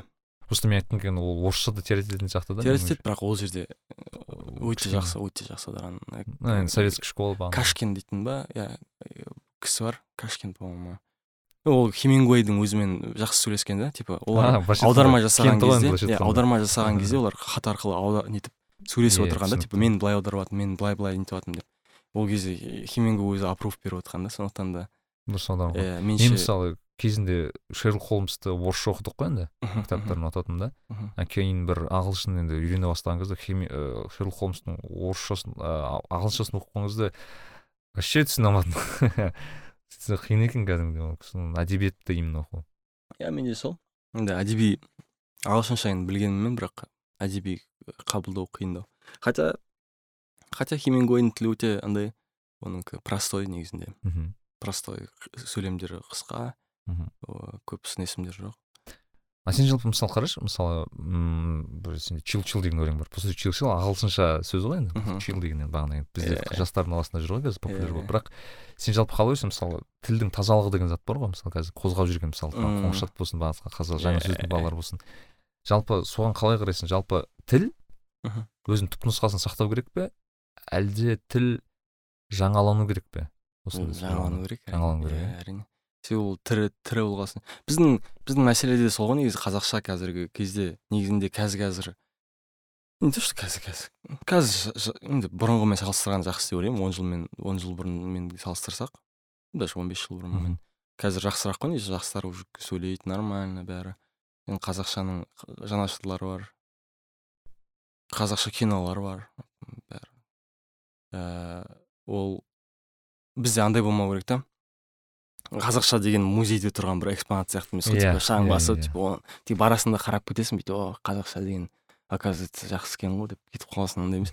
Кәдімгідей бәріміз өзім бізде бір біз неміз ғой біз тасушымыз біз носительміз біз өзіміз білеміз біз қалай сөйлесек значит қазақша сондай деген сөз да. Бірақ дегенмен енді қазір значит бірдеме бірдеме деп жатыр. Одан арылғым келеді мен таза сөйлегім келеді кірме сөздерден мынағыдай паразит сөздерден орысша бәрінен арылғым келеді дегенмен бірақ қазіргі орта сондай. И сөз- сөйлейсің. Бірақ мен өзім контролировать етемін. Контролировать етемін. Контрольдегім келеді иә. Контрольдегім келеді барынша.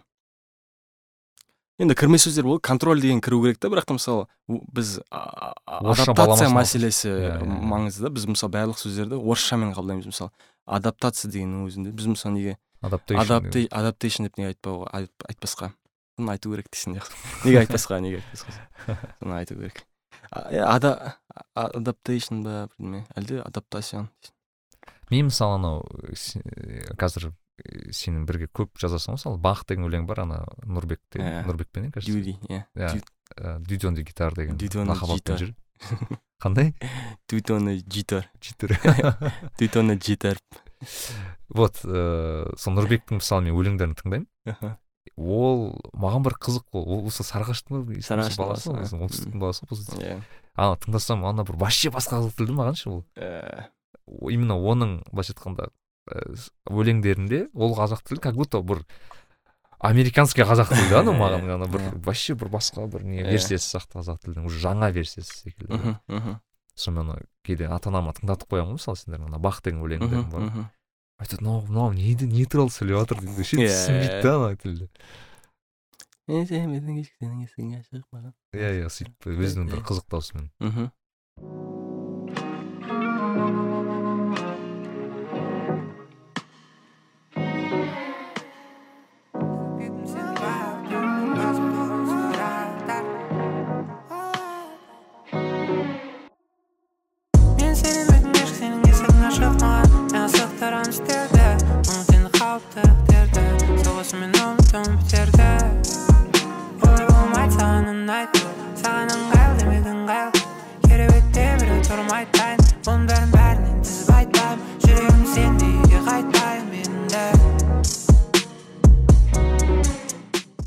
күшті негізінде тілді өзгертуші негізінде кітаптарды кітаптар жазушылар ә, ақындар негізі тілді өзгерткен ғой шынымен де. Мысалы неге мысалы мұхтар әуезовтің абай жолы неліктен ә, неліктен өте маңызды деген кезде маған осы санжар керімбайсат айтқан. Енді ол бір жағынан абайдың нетеді енді абайдың абай тұлға ретінде көрсетеді иә оның бәрі бар. Бірақ та екіншісі ол қазіргі біздің сөйлеп жүрген тіл бар ғой ше мхм. Соның ең ә, алғашқы нұсқасы сол. Абай жолында жазылған. Себебі оған дейін бізде өте фарсшадан мынандай ыыы арабшадан кірме сөздер өте көп болды иә өте көп болды иә себебі ал қазіргі біздің сөйлеп жүрген тіл сол абай жолында ііі алғашқы рет көрсетілген деп айтады негізінде. Білмеймін енді қаншалықты шын екенін бірақ та маған бір өте қызық болды шындыққа ұқсайтын Иә, сияқты менің ойымша шынымен де өйткені менің ойымша оған дейін тіл бір ондай бір алға ұстар бір кітап болмады ғой прям үлкен мхм, объемный дейтін сияқты. Көбінесе мысалы кітап жинақтар болды мхм. кітаптар болды ал абай жолы ол прям үлкен бір не болып шықты ғой. Үлкен роман. Роман болып шықты иә.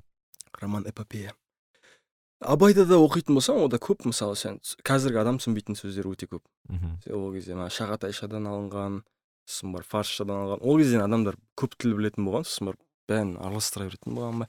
Терминдер нетпеген болды мысалы діни заттар барлығы сол араластырып жазыла беретін болған. Мысалы анау кітап бар ғой кімнің осы анау санжар керімбай ағалар кажется соны аударып жүр ма немесе анау анау? Дивани хикмет дивани лұғат дивани дивани хикметтер иә, хикметтер. Мысалы сол кітаптарда мысалы қарасаң бір дивани хикмет ол араб пен парсы сондай араласқан да ана атының өзі мысалы. мхм, солай ғой негізі былай қарасаң. Ол ол еще шағатайша жазылған сияқты по моему да мхм. Көбінесе баяғы орта ғасырларда ым, түркілердің жазу тілі мхм. жалпы несі аристократияның хат алмасу тілі шағатайша болған деп білемін жалпы. Маған фузун деген ұнады өлең кстати. Иә рахмет. Хузун түрік тілінде не мағына береді? Түрік деген типа меланхолия деген деген сияқты мағына береді сондай. Сондай қылып м, изначально сол меланхолия жасаған келдім сол өлеңнен өзім. Иә. Жоқ білмеймін сол бір кезде м, просто жазып отқан кезде негізінде ондай ой болған жоқ. Просто бір жазып отқан кезде маған сүйіктім кейде менің ғаламшар сөйтіп жазып отқан просто хызын дейді түріктер деп жазып жүрдім мынандай себебі. Шынымен де ондай заттарды хызын хызын түріктер. дейді да. Түріктер енді хызын деп атайды. Да солай өсесің серілейді мұңдабен Да, да, да. пенеңді іздеймін түнекте ну типа космостың темасы жалпы. Жалғыздықтың темасы сөйтіп. Қызық. Адасты менің кемем деген сияқты сөз ғой Иә, иә ғарыш кеңістігінде жанармайым бітуге таяды. Қобылға терезеңнен мен сол өлеңді жиі машинеде кетіп қандай Да? тыңдаймын иә. Именно почему то сол өлең. Жалғыз кетіп бара жатырсың ғой. Иә қызық. Жалғыздық деген кезде соны ойлайтын а жалғыздық мына бала жалғыз болған значит иә иә. Жалғыздық.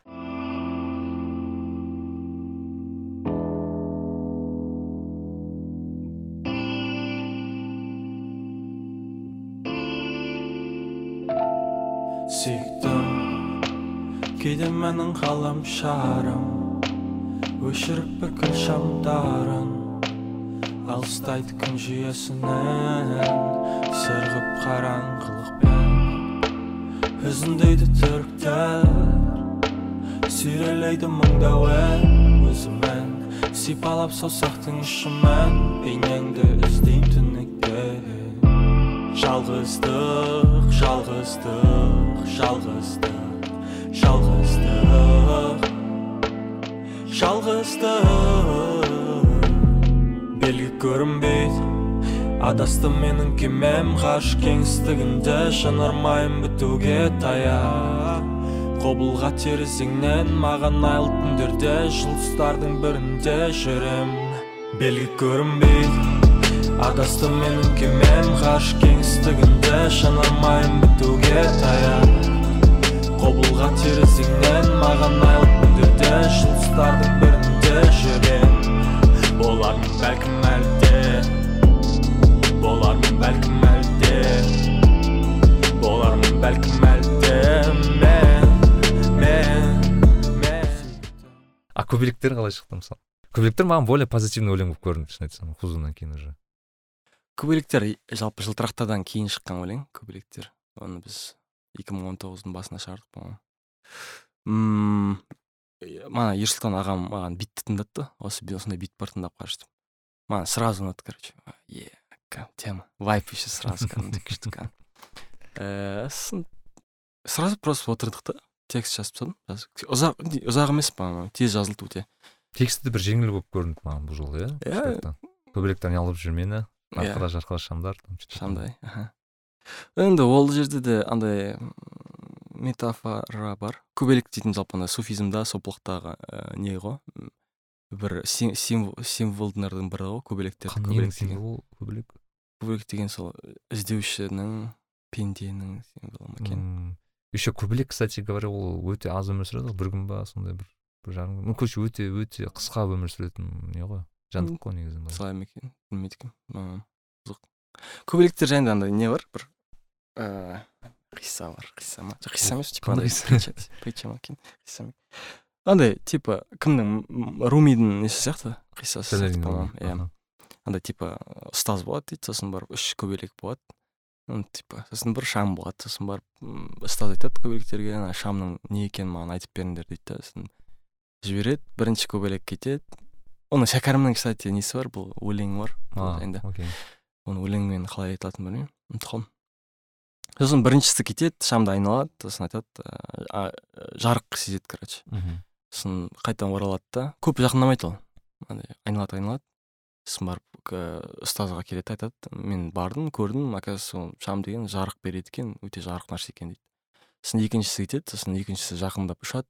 Ә, жарық сезеді жарықты көреді сосын барып кішкене жақындайыншы дейді да жақындайды сосын барып бүйтіп қанаты құттай бүйтіп андай нетіп кетеді тиіп кетеді дейді оказывается мынау ыстық екен дейді да типа А, ысытады екен жаңағы Иә, иә, иә. қайтадан келеді ұстаз айтады осылай осылай жарық еще. Оказывается жақындап кетсең өте ыстық екен сосын үшіншісі барады да ұшады айналады жарық екенін көреді жылулық сезеді сосын барып. Бірақ ана шамды бөлу үшін ол ортасына түсіп кетеді короче шамның. И күйіп кетеді короче. Кетеді иә. Сосын сосын ұстаз айтады короче сосын. Шамның реально не екенін білген осы тек қана үшінші ғана көбірек дейді и сонымен қисса бітіп кетеді короче мына бір не ғой Типа, анименің несі ғой типа все короче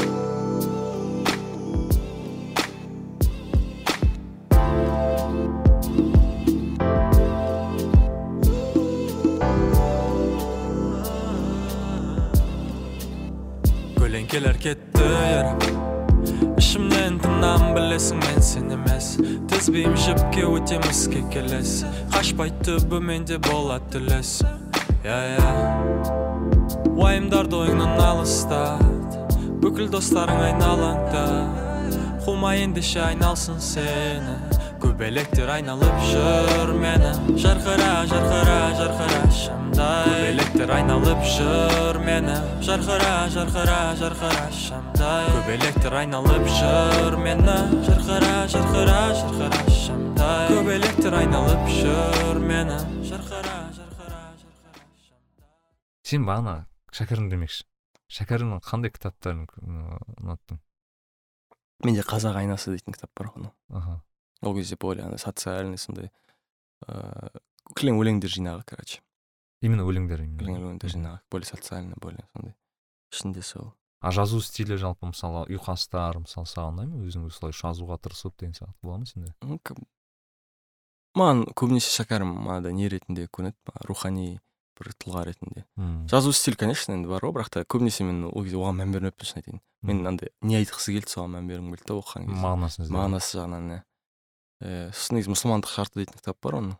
Оны бастап бастап оқып жаттым оны бірақ бітірген жоқпын мхм ол енді кәдімгідей э, діни текст. Білсем қалқаман мамыр ма сол бар емес пе или ол басқа ма? қалқаман мамыр иә еңлік еңлік кебек кажется қалқаман мамыр иә білейін мен қазір бір әдебиетші болса өлтірер мына иә соны айтамын мен де көп сөйлегім өте конечно қателестік кешірім сұраймыз мен енді Дилетант. әдебиетке андай бір қызығушылығым болды бірақ менде әдебиетке қызығушылық почему то мектепте болмады да мен ыыы кейін осылай өзім рухани ізденіс кезінде ғана сол кітаптар оқи бастадың ба сондай бір нәрсе сенде әдебиетпен қалай отношение?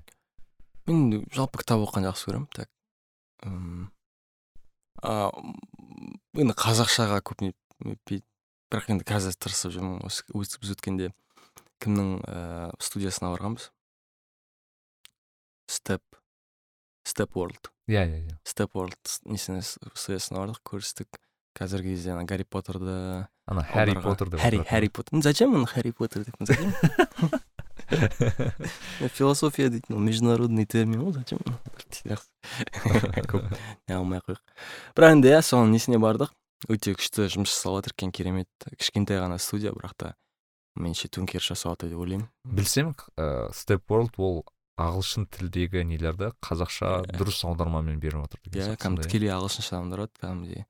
Енді ә, дұрыс деген қаншалықты субъективный нәрсе бірақ та негізінде иә аударады, түпнұсқаны аударып жатыр сосын барып балама бар да ол жерде мысалы олар вашингтон деп жазбайды олар Ва- вашингтон деп жазады мысалы кәдімгідей тема. Ана кәдімгі оқыған кезде кәдімгі о әйтеуір наконец то дейсің ғой кәдімгі. Иә, иә, бірақ иә. орысша айтасың кәдімгі осыған жеттік ау деп кәдімгі мен сөйтіп қуанамын. Ііі күшті керемет жұмыс Мен әдебиет ол всегда әрдайым тірі қалатын нәрсе. Әдебиет ол кәдімгідей біз мысалы сссрдің кезінде де оған дейін де бәрі де әдебиетке көп мән берілген ғой. Негізі көп оқитын халықпыз соны қайттан ыыы қазір де көп оқимыз бірақ бір қазақшаға ғана қазақшаға қарай бет бұрсақ біз әдеби ііі әдебиетті аударсақ біздің тіліміз қайтадан кәдімгідей шынымен де жаңғыру сол кезде басталады деп ойлаймын. живой боласың Иә, иә. тірі тірі тіл болады себебі көптен көп адамдар естимін мен қазақша техникалық тіл емес там техникаға бүйтпейді ол философия емес анау мынау. Как будто не сияқты да даже мысалы мектептерде мен бұрын таңқалатын едім мысалы адамдар даже қазақша оқып алматыда әсіресе сондай адамдар иә мысалы қазақша оқиды тек қана мектепте ғана қазақша сөйлейді да даже қоңырауға шыққан кезде орысша сөйлейді да адамдар иә мен просто тіл мәселесі ол өте иә, мен байқадым мысалы бір ғой бізде қазақстанда екі жалпы бір не бар өңір бар.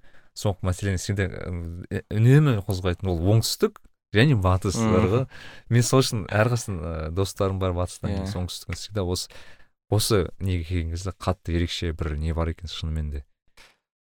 Білмеймін иә. Біз енді батыста атырауда біз бір бұл бір андай ыыы не емес та енді мен батырда көбінесе енді қазақша сөйлейді ғой иә андай бір қазақша қазақша деп мен просто өзімнің тілім бұл мен кәдімгі күнделікті өмірімде осы осы тілде сөйлеймін және де қазақстанның экономикалық жағынан болсын мысалы экономикалық жағынан біздің қазақ болып қалу жағынан вообще ә, мәдениетіміздің дамуы ыыы жалпы жан тыныштығы да жан тыныштығын табу үшін де меніңше қазақша біз білу керекпіз. Қазақша бәрін қазақшада пайдалану керекпіз деп ойлаймын да. Себебі біз себебі біз орыс емеспіз біз. Иә. Біз қаншалықты қанша тырыссақ та біз орыс болуға біз бәріміз бәрібір де бір жүрегіміз біз бізді тырыстырып қазақшылыққа, 70 иә. жыл иә қазақшылыққа да. бізді тартып тұрады деп ойлаймын бар ғой. Иә. меніңше енді білмеймін қаншалықты дұрыс екен бірақ бәрібір де қазір көп адаммен сөйлесем даже бір ересек адамдар болсын мысалы қазақша білмесе олар кәдімгідей айтады. Бір қазақша үйрену керек еді негізі. шынымен де қазір бір түсініп жатырық бүйтіп жатырық деп мен сол үшін соған да бір қуанамын. Енді бір мен де бір андай радикальный бір адам емеспін. әркім әр, әр, әр адамның бір өсу ортасы болады. Ол ортада мысалы орысша сөйлейтініне әлде бір қазақшаны дұрыс үйрететін адам болмағанына ол олар ешқандай кінәсі жоқ. ол жүйенің кінәсі да. Жүйе қазір отыз жыл бойы бір қазақшаны дұрыс бере алмағанына ұсына алмағанына шынымен де бір енді дегенмен бір қозғалыс бар. Қазіргі кезде енді он жылда бір өте мысалы жақсы сен бірақ қарашы мысалы сен осы әнші бағанағы музыкант балалармен алысасың ғой. Мысалы бізде қазір мысалы өзеннің лейблінің өзінде мысалы орысша да қазақша да иә сөйлейтін балалар бар. Жалпы бірақ өзара жүрген кезде сен олар мысалы орысша сөйлейтін әншілер жайлы айтатын болсақ олар жалпы қазақшаға деген несі осындай ғой бағана сен айтқандай мысалы үйрену керек деген сияқты иә. иә бәрі де сол. Қазақша сөйлесең түсінеді түсінуге тырысады. Қазір талпыныс бар әйтеуір. Ниет бар бәрі жақсы нормально. Мхм. менде де сол. Өзімнің қазақшамды тағы да. Біздің тазартқым келеді түзеткім келеді иә мысалы бізде сөйлеген кезде негізінде негізінде қазақстандық қазақшада бір андай орысша оттенок бар негізі. Себебі біз андай әріптерді қатты басып нетіп айтамыз. Біз жаңа біз жақында осыны толғап едік та мысалы біз ә, бір кісі бар ә, ол ә, неден? Моңғолиядан. Америкаға көшкен да мхм. кейін бірақ қазақстанда болмаған. Мхм. кейін сол а, ақштан қазақстанға көшкен ғой мхм. орысша білмейді. Мхм. сондықтан ана тілі басқа да. Иә тілі тілі түпнұсқасын сақтап қалған және американский бағана акцент алған. И ол қыз сөйлеген қызық та. А, сингармонизм жақсырақ сақталады иә иә иә. Сондай бір тілінің өзінің былай сөйлеген кезде бағана біздің вообще не, не деген сияқты вообще ну қолданылмайды Иә. мүлдем қолданылмайды бізде кәдімгідей акцент бар шынымен де негізі. Иә. мен түсінгенім сол мына қытайдың қазақтарымен моңғолияның қазақтарымен сөйлескен кезде аха. шынымен де соны байқадым. Олар да айтады бізге андай сөйлесіп жатқан кезде түрлі сөйлесіңдер. сендер иә орысша сөйлеп жатқан сияқты. Түріктер мысалы біздің түрки түркішілікпен тұраншылықпен қызығатын түріктер мысалы біздің отырыста да кейде отырады да содан мысалы бір моңғолияның қазағы сөйлейді мысалы қазақша. Сосын мен қазақша сөйлеймін. Сосын ана түрік айтады да.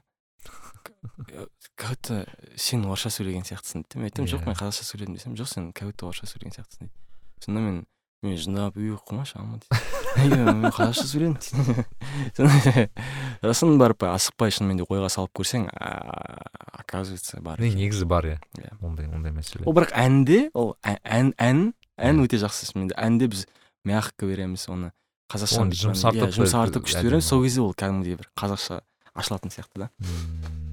Енді ол да бір уақыт өте ол енді ресейдің кәдімгідей әсері. Біз себебі билингвалмыз екі тілді білген жерде ол бәрібір бір біріне әсер етеді. Мхм. бірақ та сол қазақшаның сол бұл версиясына негізі андай қарата не көрсек сияқты? күшті мысалы болады бельгия дегенде бар ғой. Бельгияда мысалы екі тіл бар да. Үш тіл бар. Ол жерде голландский мысалы французский бар. Анау люксембург деген мемлекет бар. Ол жерде мысалы французский немецкий.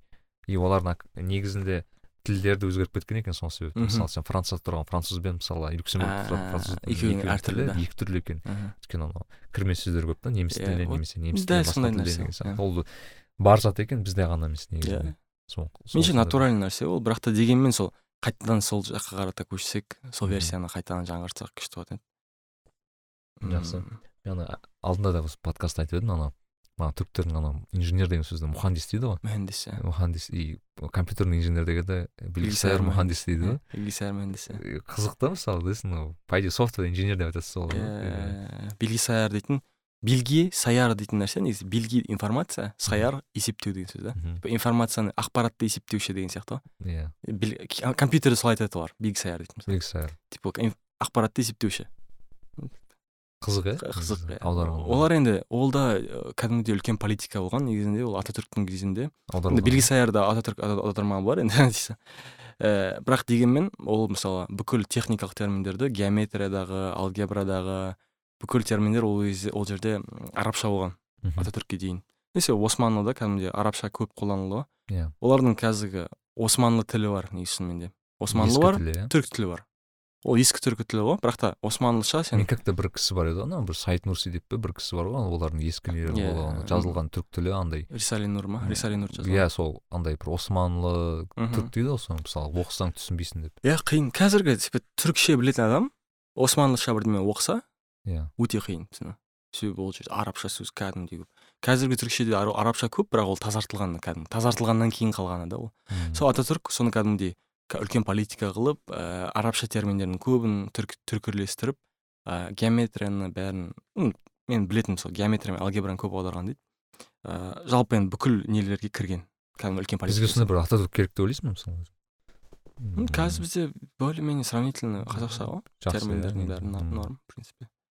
Ә, бірақ та енді ататүрік керек па? Не именно сондай бір лидер ретінде деймін да сондай сондай бір. Иә. Бірақ бізде уже мына жақта сол жақта бір лидер тұр бізге қарап отыр. Бүйтіп с возмущением қарап тұр. Ғой am I joke to you деп тұр саған я что тебе какая то шутка деп та Нарик Билай. жайыққа байланысты сұрақ қояйыншы жайықпен жүзіскенде клипі бар бағана сен көрсеттің. Ну бағана енді сен қатысым жоқ деп айттың көбіне клипіне балалар өздері түсірді көбінесе деп, иә иә. бірақ ә, мен мысалы сен туралы чилдан бұрын негізі жайықпен жүзіскенде естіп едім сол. Естіп едім. Жақ балалар айтады мына бір күшті клип шықты күшті клип шықты соны ашып қарадым. И мен кәдімгі бір неге кіріп кеттім думкаға кіріп кеткен сол мынау не болып кетті өзі деп. И м, білсем ол бірнеше нені ұтты да бір какой то бір нелерді ұтты деген сияқты. Бірақ бағанағы операторлық иә бір фильм түсірген бір түсірген сияқты болып көрінді маған енді. Бірақ жайыққа келер болсақ ше ә, жайық қандай ғой? Мысалы мен зерттеп қарадым кеше мысалы азаттықтың немесе басқа басқа нелерде мысалы нелер үлкен статьялар бар жайықтағы жалпы проблемалар туралы. Су жайықтың азаю су азаю мысалы. Содан бірі мысалы мен кеше көрдім жайықтың бір жайықтың бойында 19 су қоймасы бар екен. Россия ресейде. Ресейде. Мхм. 19 су қоймасы. Мен ойлайсың субханалла типа қалай ол? Бір жайықтан 19 су 19 жерден мен су жиналса Осы жайықтан не қалады Не қалады, ә, өте андай оған жайыққа құятын нелері бар екен. сексеннен астам ба бір не бар екен. Каналдар ма канал именно жайыққа құятын тармақтар ма иә. солардың өздері азайып жатыр дейді. Бәрі сондықтан құрап жатыр иә. орал кажется жақта ма бір уже островтар ма сондай бір аралдар пайда болып су атырауда да бар ондай островтар бар ма? кәдімгідей? Иә бізде кәдімгідей су өте өте өте көп аз азайып кетті кәдімгідей. Мысалы сен кішкентай кезіндегі жайық пен қазіргі жайық вообще бір- салыстыра алмайсың Са- жайық таситын еді таситын еді өзінің Аа. с- сағасына шығып. Ііі қазір ол кезбен салыстырсаң көктемде мысалы су көтеріледі ғой. Қар ериді су көтеріледі. Содан типа примерно білмеймін енді неше екенін бірақ кәдімгідей кәдімгі себебі бұрын біздің набережкаде иә. кәдімгі набережкаде су кәдімгі көтеріліп тұратын еді да сен көріп тұрасың. Сен құттай түсесің набережкадан уже сен су. А Иә. қазір ол су тартылған ол манағы конструкцияның өзінен бүйтіп былай кетіп отыр даже біз мосттың ііі фундаменттерін көре алдық та осыда ол вообще көре алмайсың едім да ол колонналардың астындағы основание бар ғой соны көріп тұрасың. Мгм. ііі енді ол агрессивті кәдімгідей білмеймін енді ресейдің агрессивті политикасы деп білемін себебі суды кім контрольдесе сол мысалы өзінің рычаг ретінде қолданылады да. Маған сен жайық деген бүкіл батысты былай не ұстап тұрған Иә, су ғой қаншама. Қаншама ауылға барып жатыр бізде де енді каналдар нелер бар ғой. Енді су алып жатыр мысалы мал суару егіншілік бар не бар. Енді ол кәдімгідей білмеймін енді қаншалықты адамгершілікке жататынын дейсің ғой да ресей жағынан. Білмеймін енді ол жақтан қандай политика болып жатқанын тоқаев кездесті деп айтып еді негізінде Мгм. ол каспийдің деңгейіне де әсер етіп жатыр каспий каспий құяды ғой каспийге жайық каспийге құяды ғой қазір каспийдің деңгейі де төмендеп жатыр аа сол үшін иә. Ничего сол үшін сияқты енді қаншама су келеді каспий не жайықтан білмеймін енді қалай болатынын ар жағынан ол енді үлкен жоғары жақтағылар уже кәдімгідей әсер етіп біздің бір-бірінің осы арасына кезде менің ойымша біздің жалпы мінез білдірту деген бар ғой. Соны осы жерде көрсетіп келсек білмеймін енді. Мысалы өйткені мен статистиканы қарасам енді жаға ұстайтындай не болып тұр да. Өйткені ана экологтардың айтуы бойынша мхм, ә, сен келесі бірнеше жылдың ішінде шешілмесе бұл мхм. Оны шешу уже қайда қиын болып кетеді бағана құдай сақтасын арал мен ситуацияға жақындап бара жатыр Иә, дейді да иә. ол. Мүмкін шынымен просто біздегі сол да менің ойымша біз геополитикалық бір қиындық жағынан что бізде бірде бір өзіміздің суымыз жоқ қой. Иә өзен іштен басталмайды иә. Иә өйткені мысалы бізде жайық бізге ресейден келеді. Ыыы бағанағы алакөлге құятын нелер тоже қытай жақтан келеді. Сырдариялар қайдан? Өзбекстаннан келеді өзбекстан сол жақтардан келеді мысалы да. иә. төменнен келеді короче. Соны ойлаймын да жаулар немесе не болса деген сияқты олар просто пайдалан спокойно суды азайтып тастаса болды ғой сен халқың сусыз қалады ғой мысалы ертіс қай жақтан ол ресейден емес па так ол қытайдан бастамай екен қытайдан ол енді ең ұзын өзендердің болып саналады ғой ойпқа жалғанады да Мысалы, солтүстік мұзды ма орда европада үшінші не екен да үшінші ең ұзын вау өзендердің бірі екен Кәдімгі. соның өзі аз айтқан ресейден урал дейді ғой бағана бірақ білмеймін мен мысалға көріп соны сен мысалы осы жайлы жайық туралы көтергенің де менің ойымша бірде бір көрсеткіш сияқты соны адамдарға бір кішкене ойландырып осы подкаст болсын мысалы оны мхм. халық жалпы а- айту керек қой негізі жайықтың несін Иә, көтерейік иә, деген сияқты. иә. өйткені мен мысалы мен өзім зерттемесем білмес едім да жайықтың соншалықты бір жағдайда тұрған өйткені мысалы даже шаханов бар ғой мысалы шаханов ол қай жақтың кісісі оңтүстіктің баласы. Мысалы Иә, оңтүстіктің отырар иә. жақтан мысалы мен нағашы ауылым жақтан да. Мхм. бірақ оңтүстіктің баласы иә. тұрады да батыс жақтағы өзен туралы жазады да. күшті. Қаншалықты не да мәртебе да жайыққа берілген деген. Жайық? Күшті иә соған қуанамын. Ол кезде енді бір енді шахановтар да ұлы адамдар ғой. Жайық енді кәдімгі тарихты көрген шынымен де ол сол жағынан жалғайды ғой типа исатай махамбет тарихты көрген. Сосын барып су көзі жалпы андай адамдарға өмірдің көзі ғой. Мхм. сендей өзен бола алмасам мейлі деп айтады ғой. Жұрт көп еді атақтан атақ тақтан үмітті оның көбін қатал тарих ұмытты. Туған отан мәңгі ұмытсын мені де сендей өзен бола алмасам еліме дейді да иә мхм. керемет жазылған. Кім сұлмады саған? Келіп иә. қайғын кім жумады келіп саған байыбын ба айыбын, мхм. сондай иә кім шертпеді саған келіп шаттығын? Кім жумады саған келіп айыбын Иә, жайығым. Негізі бұл бір көтеру керек зат ау дейсің соны көріп иә иә. Ол да задумка болды негізі ол кезде де жайыққа деген ән шығарудың бір жағынан сол жайыққа арнау. Екіншісі сол менде келіп бір жағынан в шоке болдым. Себебі көптен бері болған жоқпын да. Келген кезде а келген кезде жайықтың деңгейін көріп шоң жағын кстати жайық өте ластанып кетті деп естідім мен то ластық жағынан енді білмеймін. Кстати ол бір кездері мысалы мен неге ол кезде кәдімгідей проблема болған ол балықтардың қырылуы қырылған иә иә, есімде. Мен кәдімгідей соған еш неге ешкім айтпайды деген сияқты андай бір ойлар болды. Себебі кәдімгідей мыңдаған балықтар просто қалқып шықты мен қазір қазір бар мен бір нені қарадым ыыы қанша тонна қалған көп өте көп иә мысалы. А, вот мына ресми дерек бойынша бекіре тұқымдас түрлердің қоса алғанда жалпы салмағы 119 тонна балық өлген дейді. Е, сон тоғыз тонна. Балық жайында вообще айтып келеміз себебі мысалы алпысыншы жетпісінші жылдары ғана суреттерді қарайтын болсаң адамдар дейтін кәдімгідей қармақты салған бойда балық шығады ғой ана бекіре льняный балықтар сазандар бар ғой ана видеолар бар даже архивный. Андай қыста мұздың үстінде жүріп балық аулап жүрген адамдар. Слишком көп адам слишком көп балық кәдімгідей кәдімгідей біздің тасып отқан кезде тасып жатыр кәдімгідей слишком көп қазір ондай балықтан иісі де шықпайды ана балық аулауға шығасың там бір пакет балық аулап келесің кішкентай сазандар немелер қытай не чехня мехня там вовла бірдеме аулап келесің вообще. Мгм. ол да енді жоғарыдан келіп жатқан нәрсе білмеймін енді қалай екенін. Вообще бүкіл жағынан бір катастрофа болып жатыр негізінде. Қай жағынан болсын да. Оған енді бір жағынан бар ғой. Мысалы анау қазір global warming деп айтып отыр ғой. Мен бұрын ойлайтынмын мысалы global warming деген бағана су бар елдерге қатты әсер етеді деп ше. Яғни мысалы мұхитқа жақын тұрған иә. елдерге өйткені су деңгейі көтеріледі. Оларда су бас, баста су бастайды басу ғой. болады иә мысалы италияда мысалы деген сияқты да. Бірақ оказывается мынандай да обратный эффект те бар екен оның. Мысалы су бар елдерде ыыы су көтеріледі екен да. а су аз елдерде қуаңшылық басталады екен керісінше. Оказывается олар наоборот то есть су жоқ елдерде су одан сайын азаяды. М, то есть баланс бұзылады да. Мхм. сондықтан мен қазір өзім айтамын ғой оңтүстікке баратын жиі. Мысалы бұрын түркістан жаққа барасың жасыл көп еді да. Мен қазір барамын жасыл емес сарғайып кетеді жазда бәрібір. Көктемге уже басталған кезде сарғая бастайды да. И уже шынымен бір қуаңшылық мысалы қазір маңғыстауда қаншама не болып жатыр атырауда да атырауда да сондай бір нәрсе болып жатыр су деңгейі әзір мен ойлаймын да келесі қазақтың шешу керек проблемасы негізінен су болу керек. иә. біз мысалы қазір жүгіріп жүрміз инновация білмеймін бір экспо зеленая энергетика тағы басқа тағы басқа.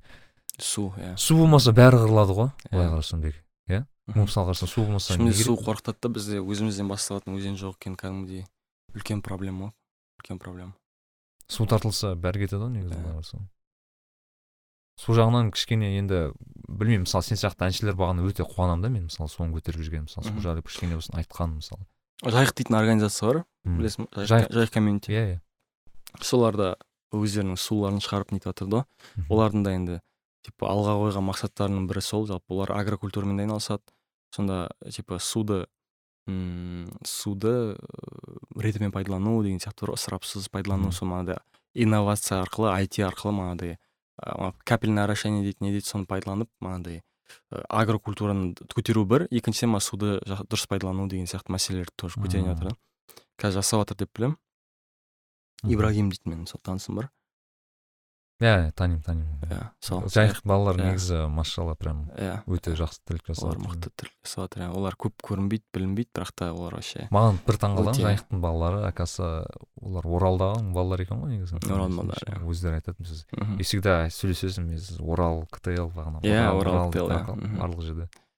Олар сол жайық жайықтың өңірі ақтау атырау орал.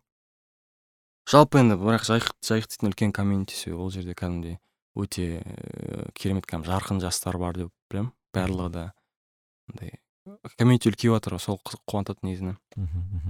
Сол оларда сол просто есіме түсіп кеткен сол ибрагимде айтқан еді да типа су қазіргі кезде кәдімгідей үлкен мәселе болады дейді ол да да келешек тастаған. жатқанда қарашы мысалы біз мысалы сен жайық деген жайықты жүзіскендегі клипте мысалы ана бір чемоданмен бір аллегория бар еді ғой судың көмген деген сияқты. сол былайша айтқанда аллегория келесі ұрпаққа бізде не қалады деген сондай бір не ғой енді былай қарасаң.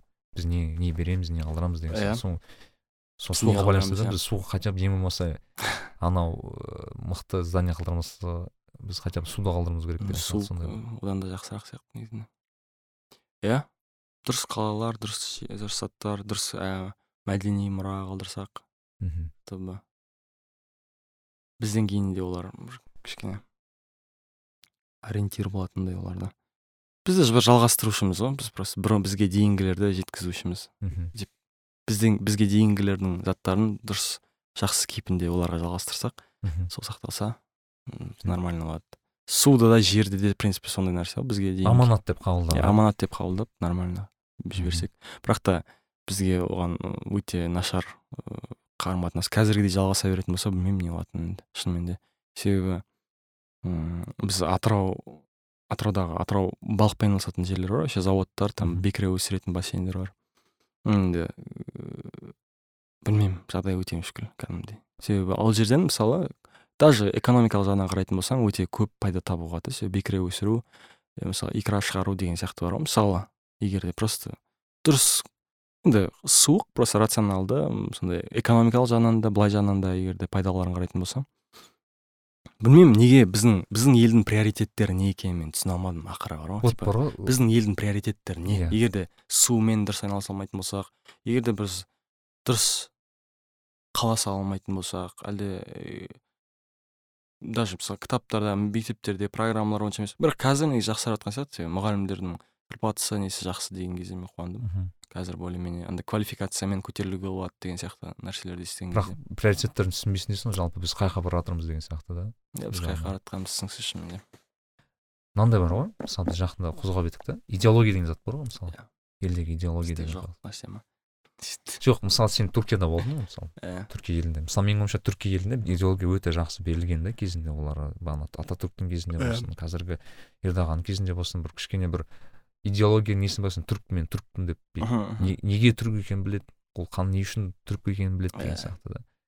Соны біз ойланып жүрдік та сосын блин а қазаққа қандай идеология керек деген сияқты соны. Мхм. Иә менде де көп менде де көп ойландым ол жайында. Бірақ та қазаққа қандай идеология керек шынымен де вот жақсы сұрақ.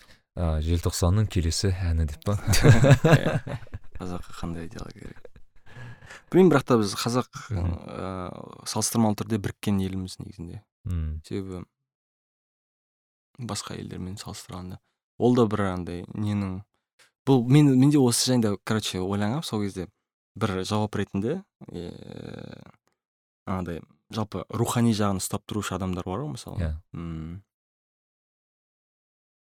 дін адамдары. Иә. сол көбінесе байланыстырған да себебі біз бұрында енді көшпелі болған жерде көшпелі мешіттер андай киіз үйдің ішінде бола берген ғой бәрі. Иә иә иә. Сосын барып ыыы мысалы беташар тұсау кесу деген сияқты нәрселерді манағыдай ел кезіп жүретін діни ііі адамдар сондай жасайтын болған имам ишан дейді ишандар иә Иә. ишандар.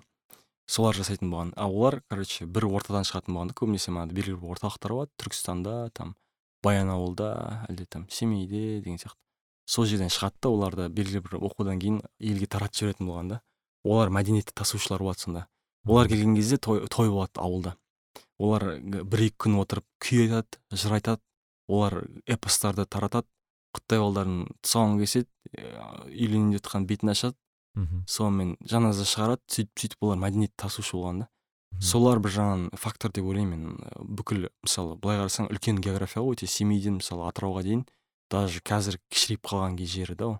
Мысалы қазір үш мың километр жер ол қалай ә, қазақ бір тілде сөйлеп бір мәдениетті сақтап келе жатыр мысалы. Иә. Неліктен бәрі мысалы ә, там үлкенге құрмет кішіге ізет ағаға бірдеме неге даже біз сөйлеу тілдеріміз бірдей себебі бізде диалект жоқ қой негізінде. Диалект қазір қазір иә. пайдаланып жатқан нәрсе мысалы сен италияның диалекттерін қарайтын болсаң олар кәдімгідей бірінен бірі айырмашылық бар ғой. Мысалы мен алматының баласымын сен атыраудың иә баласысың бір бірімізді спокойно түсінісіп Иә. отыр сөйлесіп отыр. Тек мынандай қытай манералар бірдемелер арасындағы сөздер демесең ол диалектке жатпайды негізі. Просто кішкентай ерекшеліктер ол менің ойымша. Сол меніңше сол э, ишандар мысалы баянауыл неге алаштың бір жаңағы басқа темаға көшіп кетіп неге алаштың мысалы нелері көбінесе бірнеше жерден шыққан ғой мысалы там баянауыл бар семей бар. И там оңтүстікте бір екі оңтүстікте жер жер бар. Бізден де атыраудан Жа- жаһанша жалел э, досмағамбетовтер иә бар. иә. Тағы да негізінде бар ұмытып қалыппын бірақ. Бірақ негізі сол баянауыл жақтан шыққан. Ол жерде мәшһүр жүсіп көпеев бар Иә, соның арқасында. Ұстаздардың арқасы ғой барлығы сол мхм.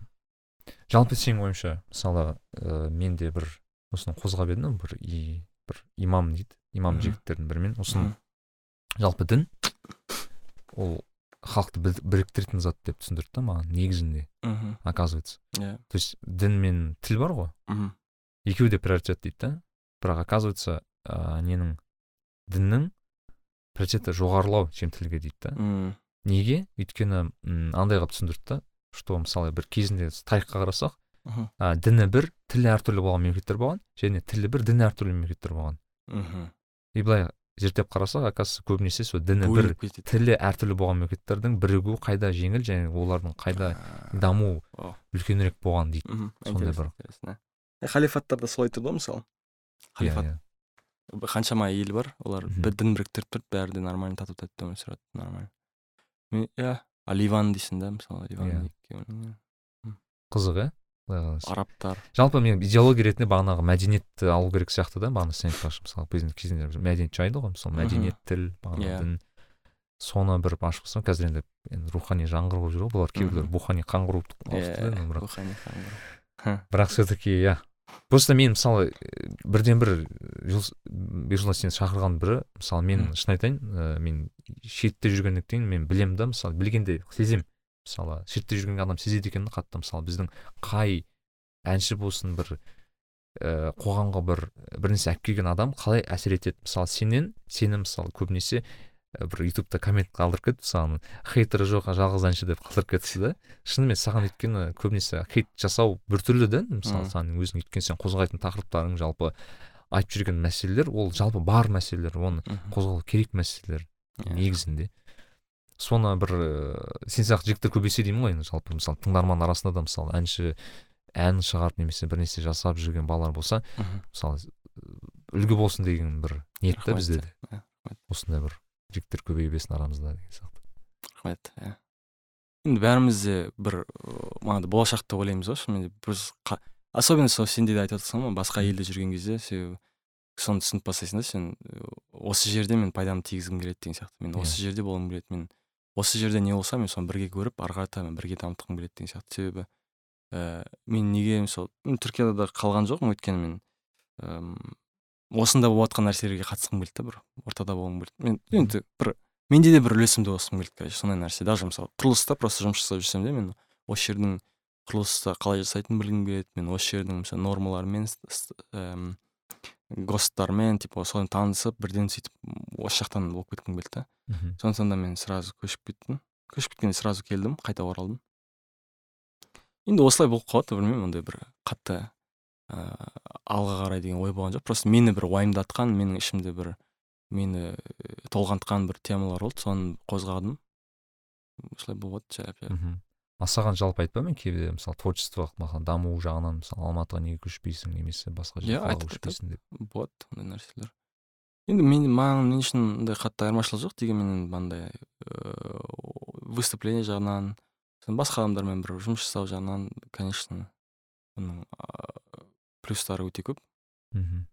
Ойланып мен екі жыл болды иә міне иә мүмкін көшермін бері бүйтермін бүйтемін сөйтермін деп жүргенмін иә мүмкін енді і, ештеме айта алмаймын.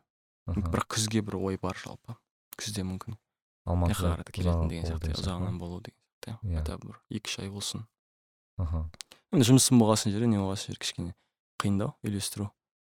Е күшті. Сол өзі қуаныштымын. Мхм. анда мен қазір өте хай ә, неден андай ә, интервьюларда сен әбден қан ішкен сұрақ қоямын бірақ ә, творчестволық планың қандай деген. Иә жоқ енді ііі альбом жазып жатырмық қазір.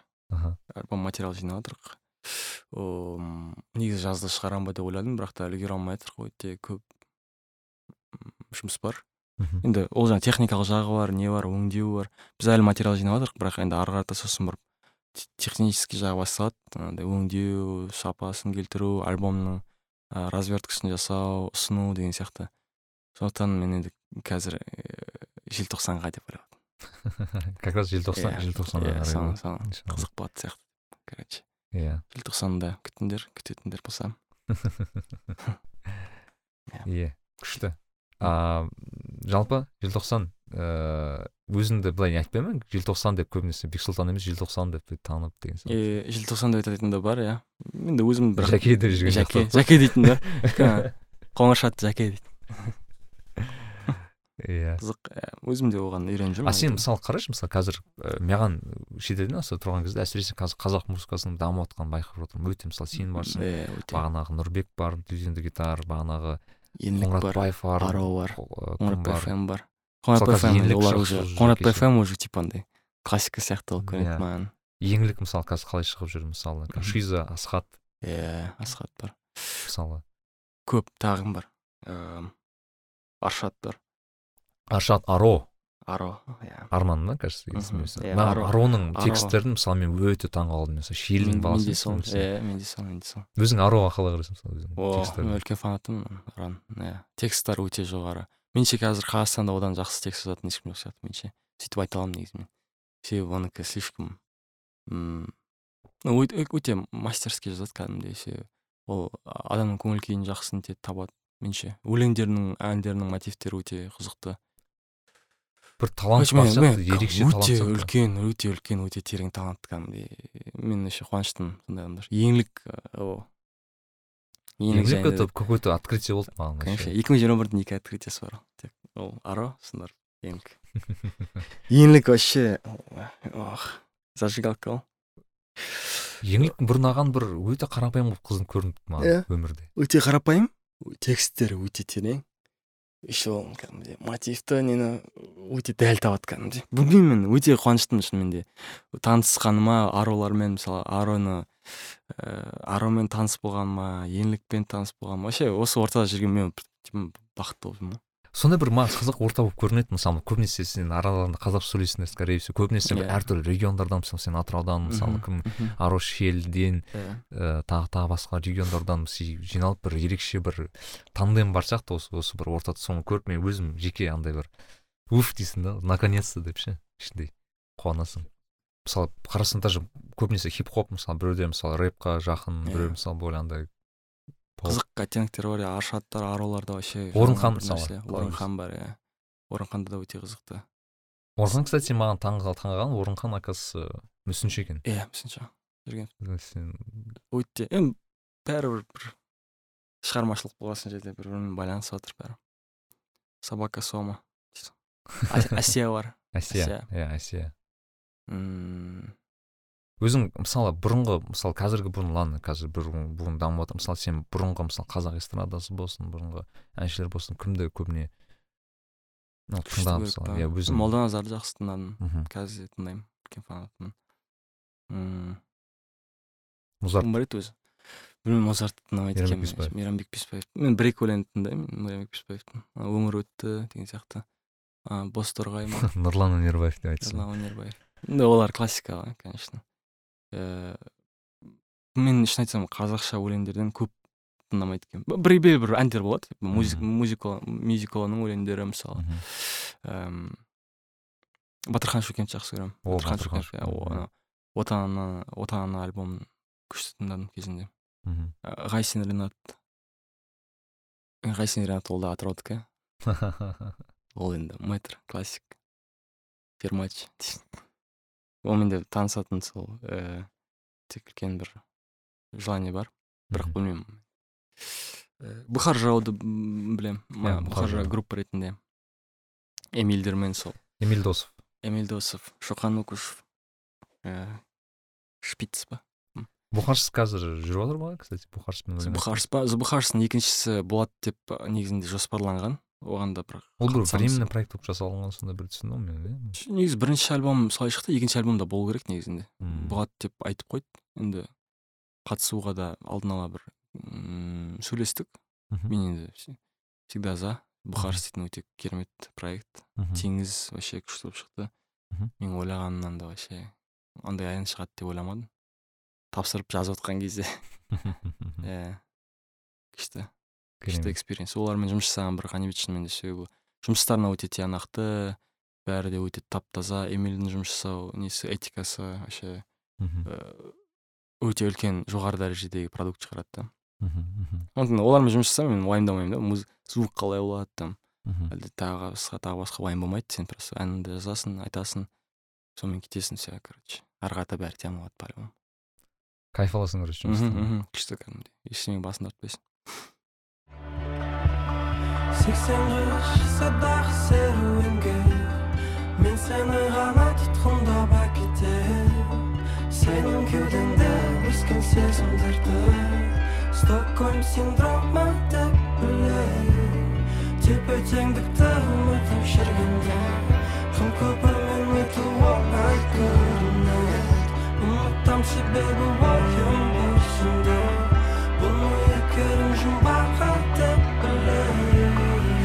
асау сезім асау жүрек асау сезім асау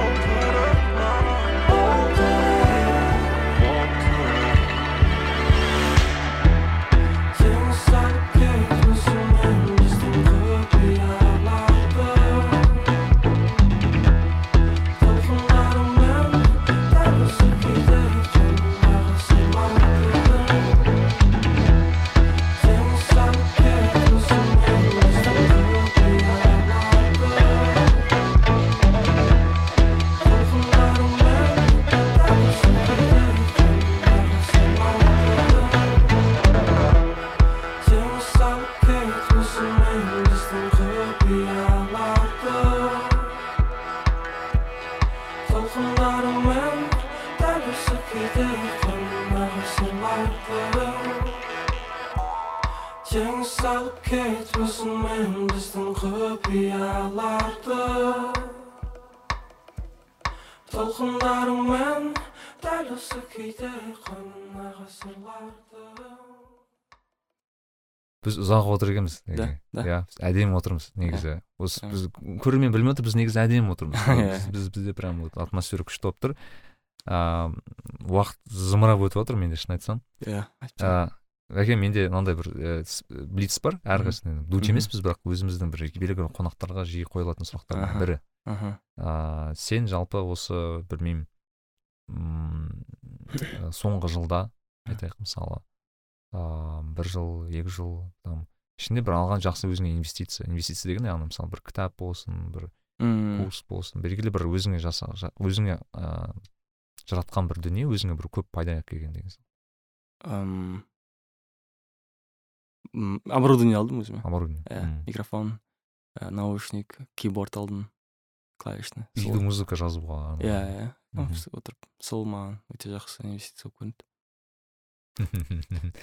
микрофон мен микрофон деген өзі керемет дүние иә Э, иә керек зат ыыы екінші сұрақ бізде ә, осы жалпы бізге осы проекттің жалпы көмекте енді көмек көмек деп айту бойынша бірақ көмегін айта аламын көмек деп Иә, айтайық жүрген проекттердің бірі ол қазына деп аталады. Қазына kz деген бір не бар? Ыыы Мгм. кітап дүкені бар. Мхм О- олар қа- қазақ тілінде тек қана қазақ тілінде тек қана қазақ иә, тілінде тек қана қазақ тілінде көп енді адамдар естіген.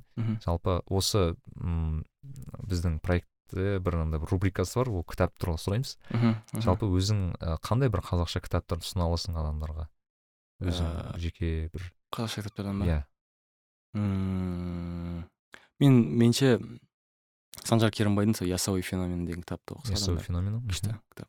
Сол кітапты мен ііі кәдімгідей кеңес бере аламын оқуға. Себебі ол жерде кәдімгідей біздің ұлттың ыыы бір ұлтты түсінуге неге біз осындай екенімізді білуге қазіргі заттар болады неге болып жатқанына бір рухани жағынан өте бір күшті бір ыыы азық деп айтуға болады шынымен де.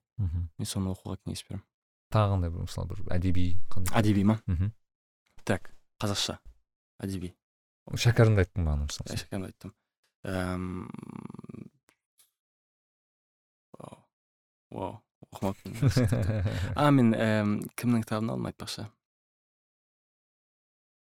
атым қалды степ ворлдта бар Иә. степ ворлдта бар жошыхан жошыхан және қазақстан деген ба бір кітап бар. Мен соны алдым. Өте енді қысқаша несін оқыдым? Ыыы манағыдай қысқаша түсіндірмесін. Примерно маған қызық болды. Ол кісі ол кісіні түсіндірген ана апаның түсіндіру бойынша ол кісі моңғолияда тұрған екен. Ыыы моңғолияда чин- шенеунік болған кәдімгідей үлкен өте дәрежелерде болған. Бірақ та сол ыыы қазақстан тәуелсіздік алған кезде Мгм. қазақстанға келгенде осындай профессор болып қарапайым адам болып жүрген короче соны моңғолдықтар ренжіген екен негізінде. Типа сіз бізді қалдырып кеттіңіз анау мынау. Деп бірақ дегенмен ол отанына оралған осында жүрген. Сонда бір жошыхан ііі жошыхан шыңғысхан және біздің қазақтардың хандары жөнінде ііі күшті кітаптар жазып кеткен соның біреуін алғам қызық а- тоже іздесеңіз болады атын ұмытып қалыппын просто. Жошыхан және бірдеме деген ну короче біз э, тапсақ Иә, осыны айтамыз Иә. ладно осы бір екі кітапты біз құдай қаласа енді осы тыңдаған подкасттың арасында оқыған кісілерді мүмкін ойнатамыз.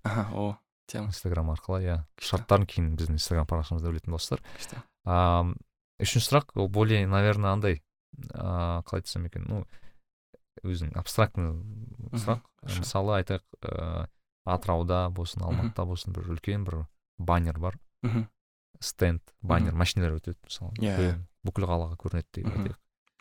Сол баннер бірнеше баннер сол сенікі да мысалы. Мхм сен кез келген зат қоя аласың ол жерге. Сурет сөз кез келген бір месседж. Не қояр едің сол жерге? Бәрі көру үшін. Күшті сұрақ. А жаңа альбомның рекламасын иә иә обложкасын алып қоямын болды. Сексен сегіз қырық сегіз деп иә. Так нені салып қояр едім? Нені салып қояр едім? Так. Негізінен бір табиғи табиғаттың бір немесіне салып қояр едім мысалы өте әдемі қазақстанның сосын барып бір өлең жолдарын бірдеме жазуға болады негізінде үстіне жайықтың суретін қойып қоюға аяқтың суретін қойып қояды әлі салыстырмалы түрде көп болған сосын аз болған жоқ бірдеме адамдарға көрген кезде более манағыдай адамдардың көңіл күйін көтеретін бірдеме салып қоюға болады кеше мысалы біз і неде болдық? Город качельникта болдық сонда ә, сонда жұлдыздар көрінді ғой кәдімгідей. Аспанда бар ғой кәдімгідей. Прям. Ап анық көрінді.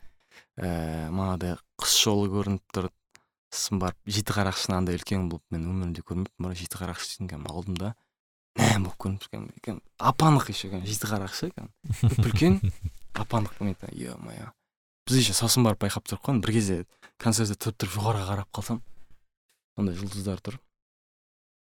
Білмеймін сондай сияқты ма? Бір табиғаттың суретін қояр едің суретін қояр едім. Адамдар уже қаланың ішінен де тірліктен шаршап кеткен кезде ана көріп о сондай сияқты болсын деп. Ух. Иә. болды енді та- табиғаттың суретін көрсеңіздер ол бексұлтанның идеясы. Иә. иә сол біз керемет оттық ыыы Мгм. менің ойымша бір өте көп ой саларлық бір подкаст болды құдай қала- құдай қаласа. Өзім өзім өте ыыы рахаттанып отырмын шын айтсам. Өте танысқаныма қуаныштымын. Және көрерменнің де осы желтоқсан деген әнші бексұлтан деген азамат барына қуаныштымын танысқандарына. Өзің соңғы бір айтар соңғы сөзің болса осы иә көп көп рахмет. Ыыы мен де қуаныштымын қатты. Шақырғаныңа рахмет. Ііі осындай подкастқа қатысып жатқаныма енді тыңдармандарға бәріне тек ым, бүкіл бастамаларында бүкіл істерінде сәттілік тілеймін. Бір қиыншылықтардан бірдемеден өтіп жатқан болсаңдар оның бәрінің уақытша екенін ұмытпауларыңды сұраймын. Ііі барлық нәрсе қолдан келеді. Ыыы стоиктердің жақсы айтатын сөзі бар. Егер где можно жить дейді там можно жить хорошо дейді да. Сондықтан да біз манағыдай ыыы қандай ортада болмасақ та қандай жерде жүрмесек те бәрі де қолдан келеді. Шынымен де бір талпыныс ниет болса ғана болды. Ым әрдайым қайда бармасам да шынымен де жақсы адамдардың бар екенін көремін да шынымен де. Соны біз тек көре білу керекпіз оны. Байқай білу керекпіз. Сондықтан сол бәріне де сол ііі жүрек көзінің ашықтығын тілеймін. Бәріне сол көре білу ана даже аспанға қарап просто әдемілікті көре алсақ байқай алсақ сол да бір үлкен шабыт болады. Басқа бір нәрсе істеуге. Сол бәрінде аман жүріңдер қазір қиын кездер бәрінде өздеріңе күтіп сақтаңдар иә ауырып қалмаңдар. Солай. Құдай қаласа ыыы желтоқсанда желтоқсанның жаңа бұйырса иә. альбом күтіңіздер. Шығарамыз. Құдай қаласа. Иә көп рахмет. Біз ыыы сіздермен енді келесі кездескенше деп айтайық. Құдай қаласа келесі Көріскенше, кездескенше. амандар. Нарик Билай. кәсіби және рухани даму жайлы подкаст.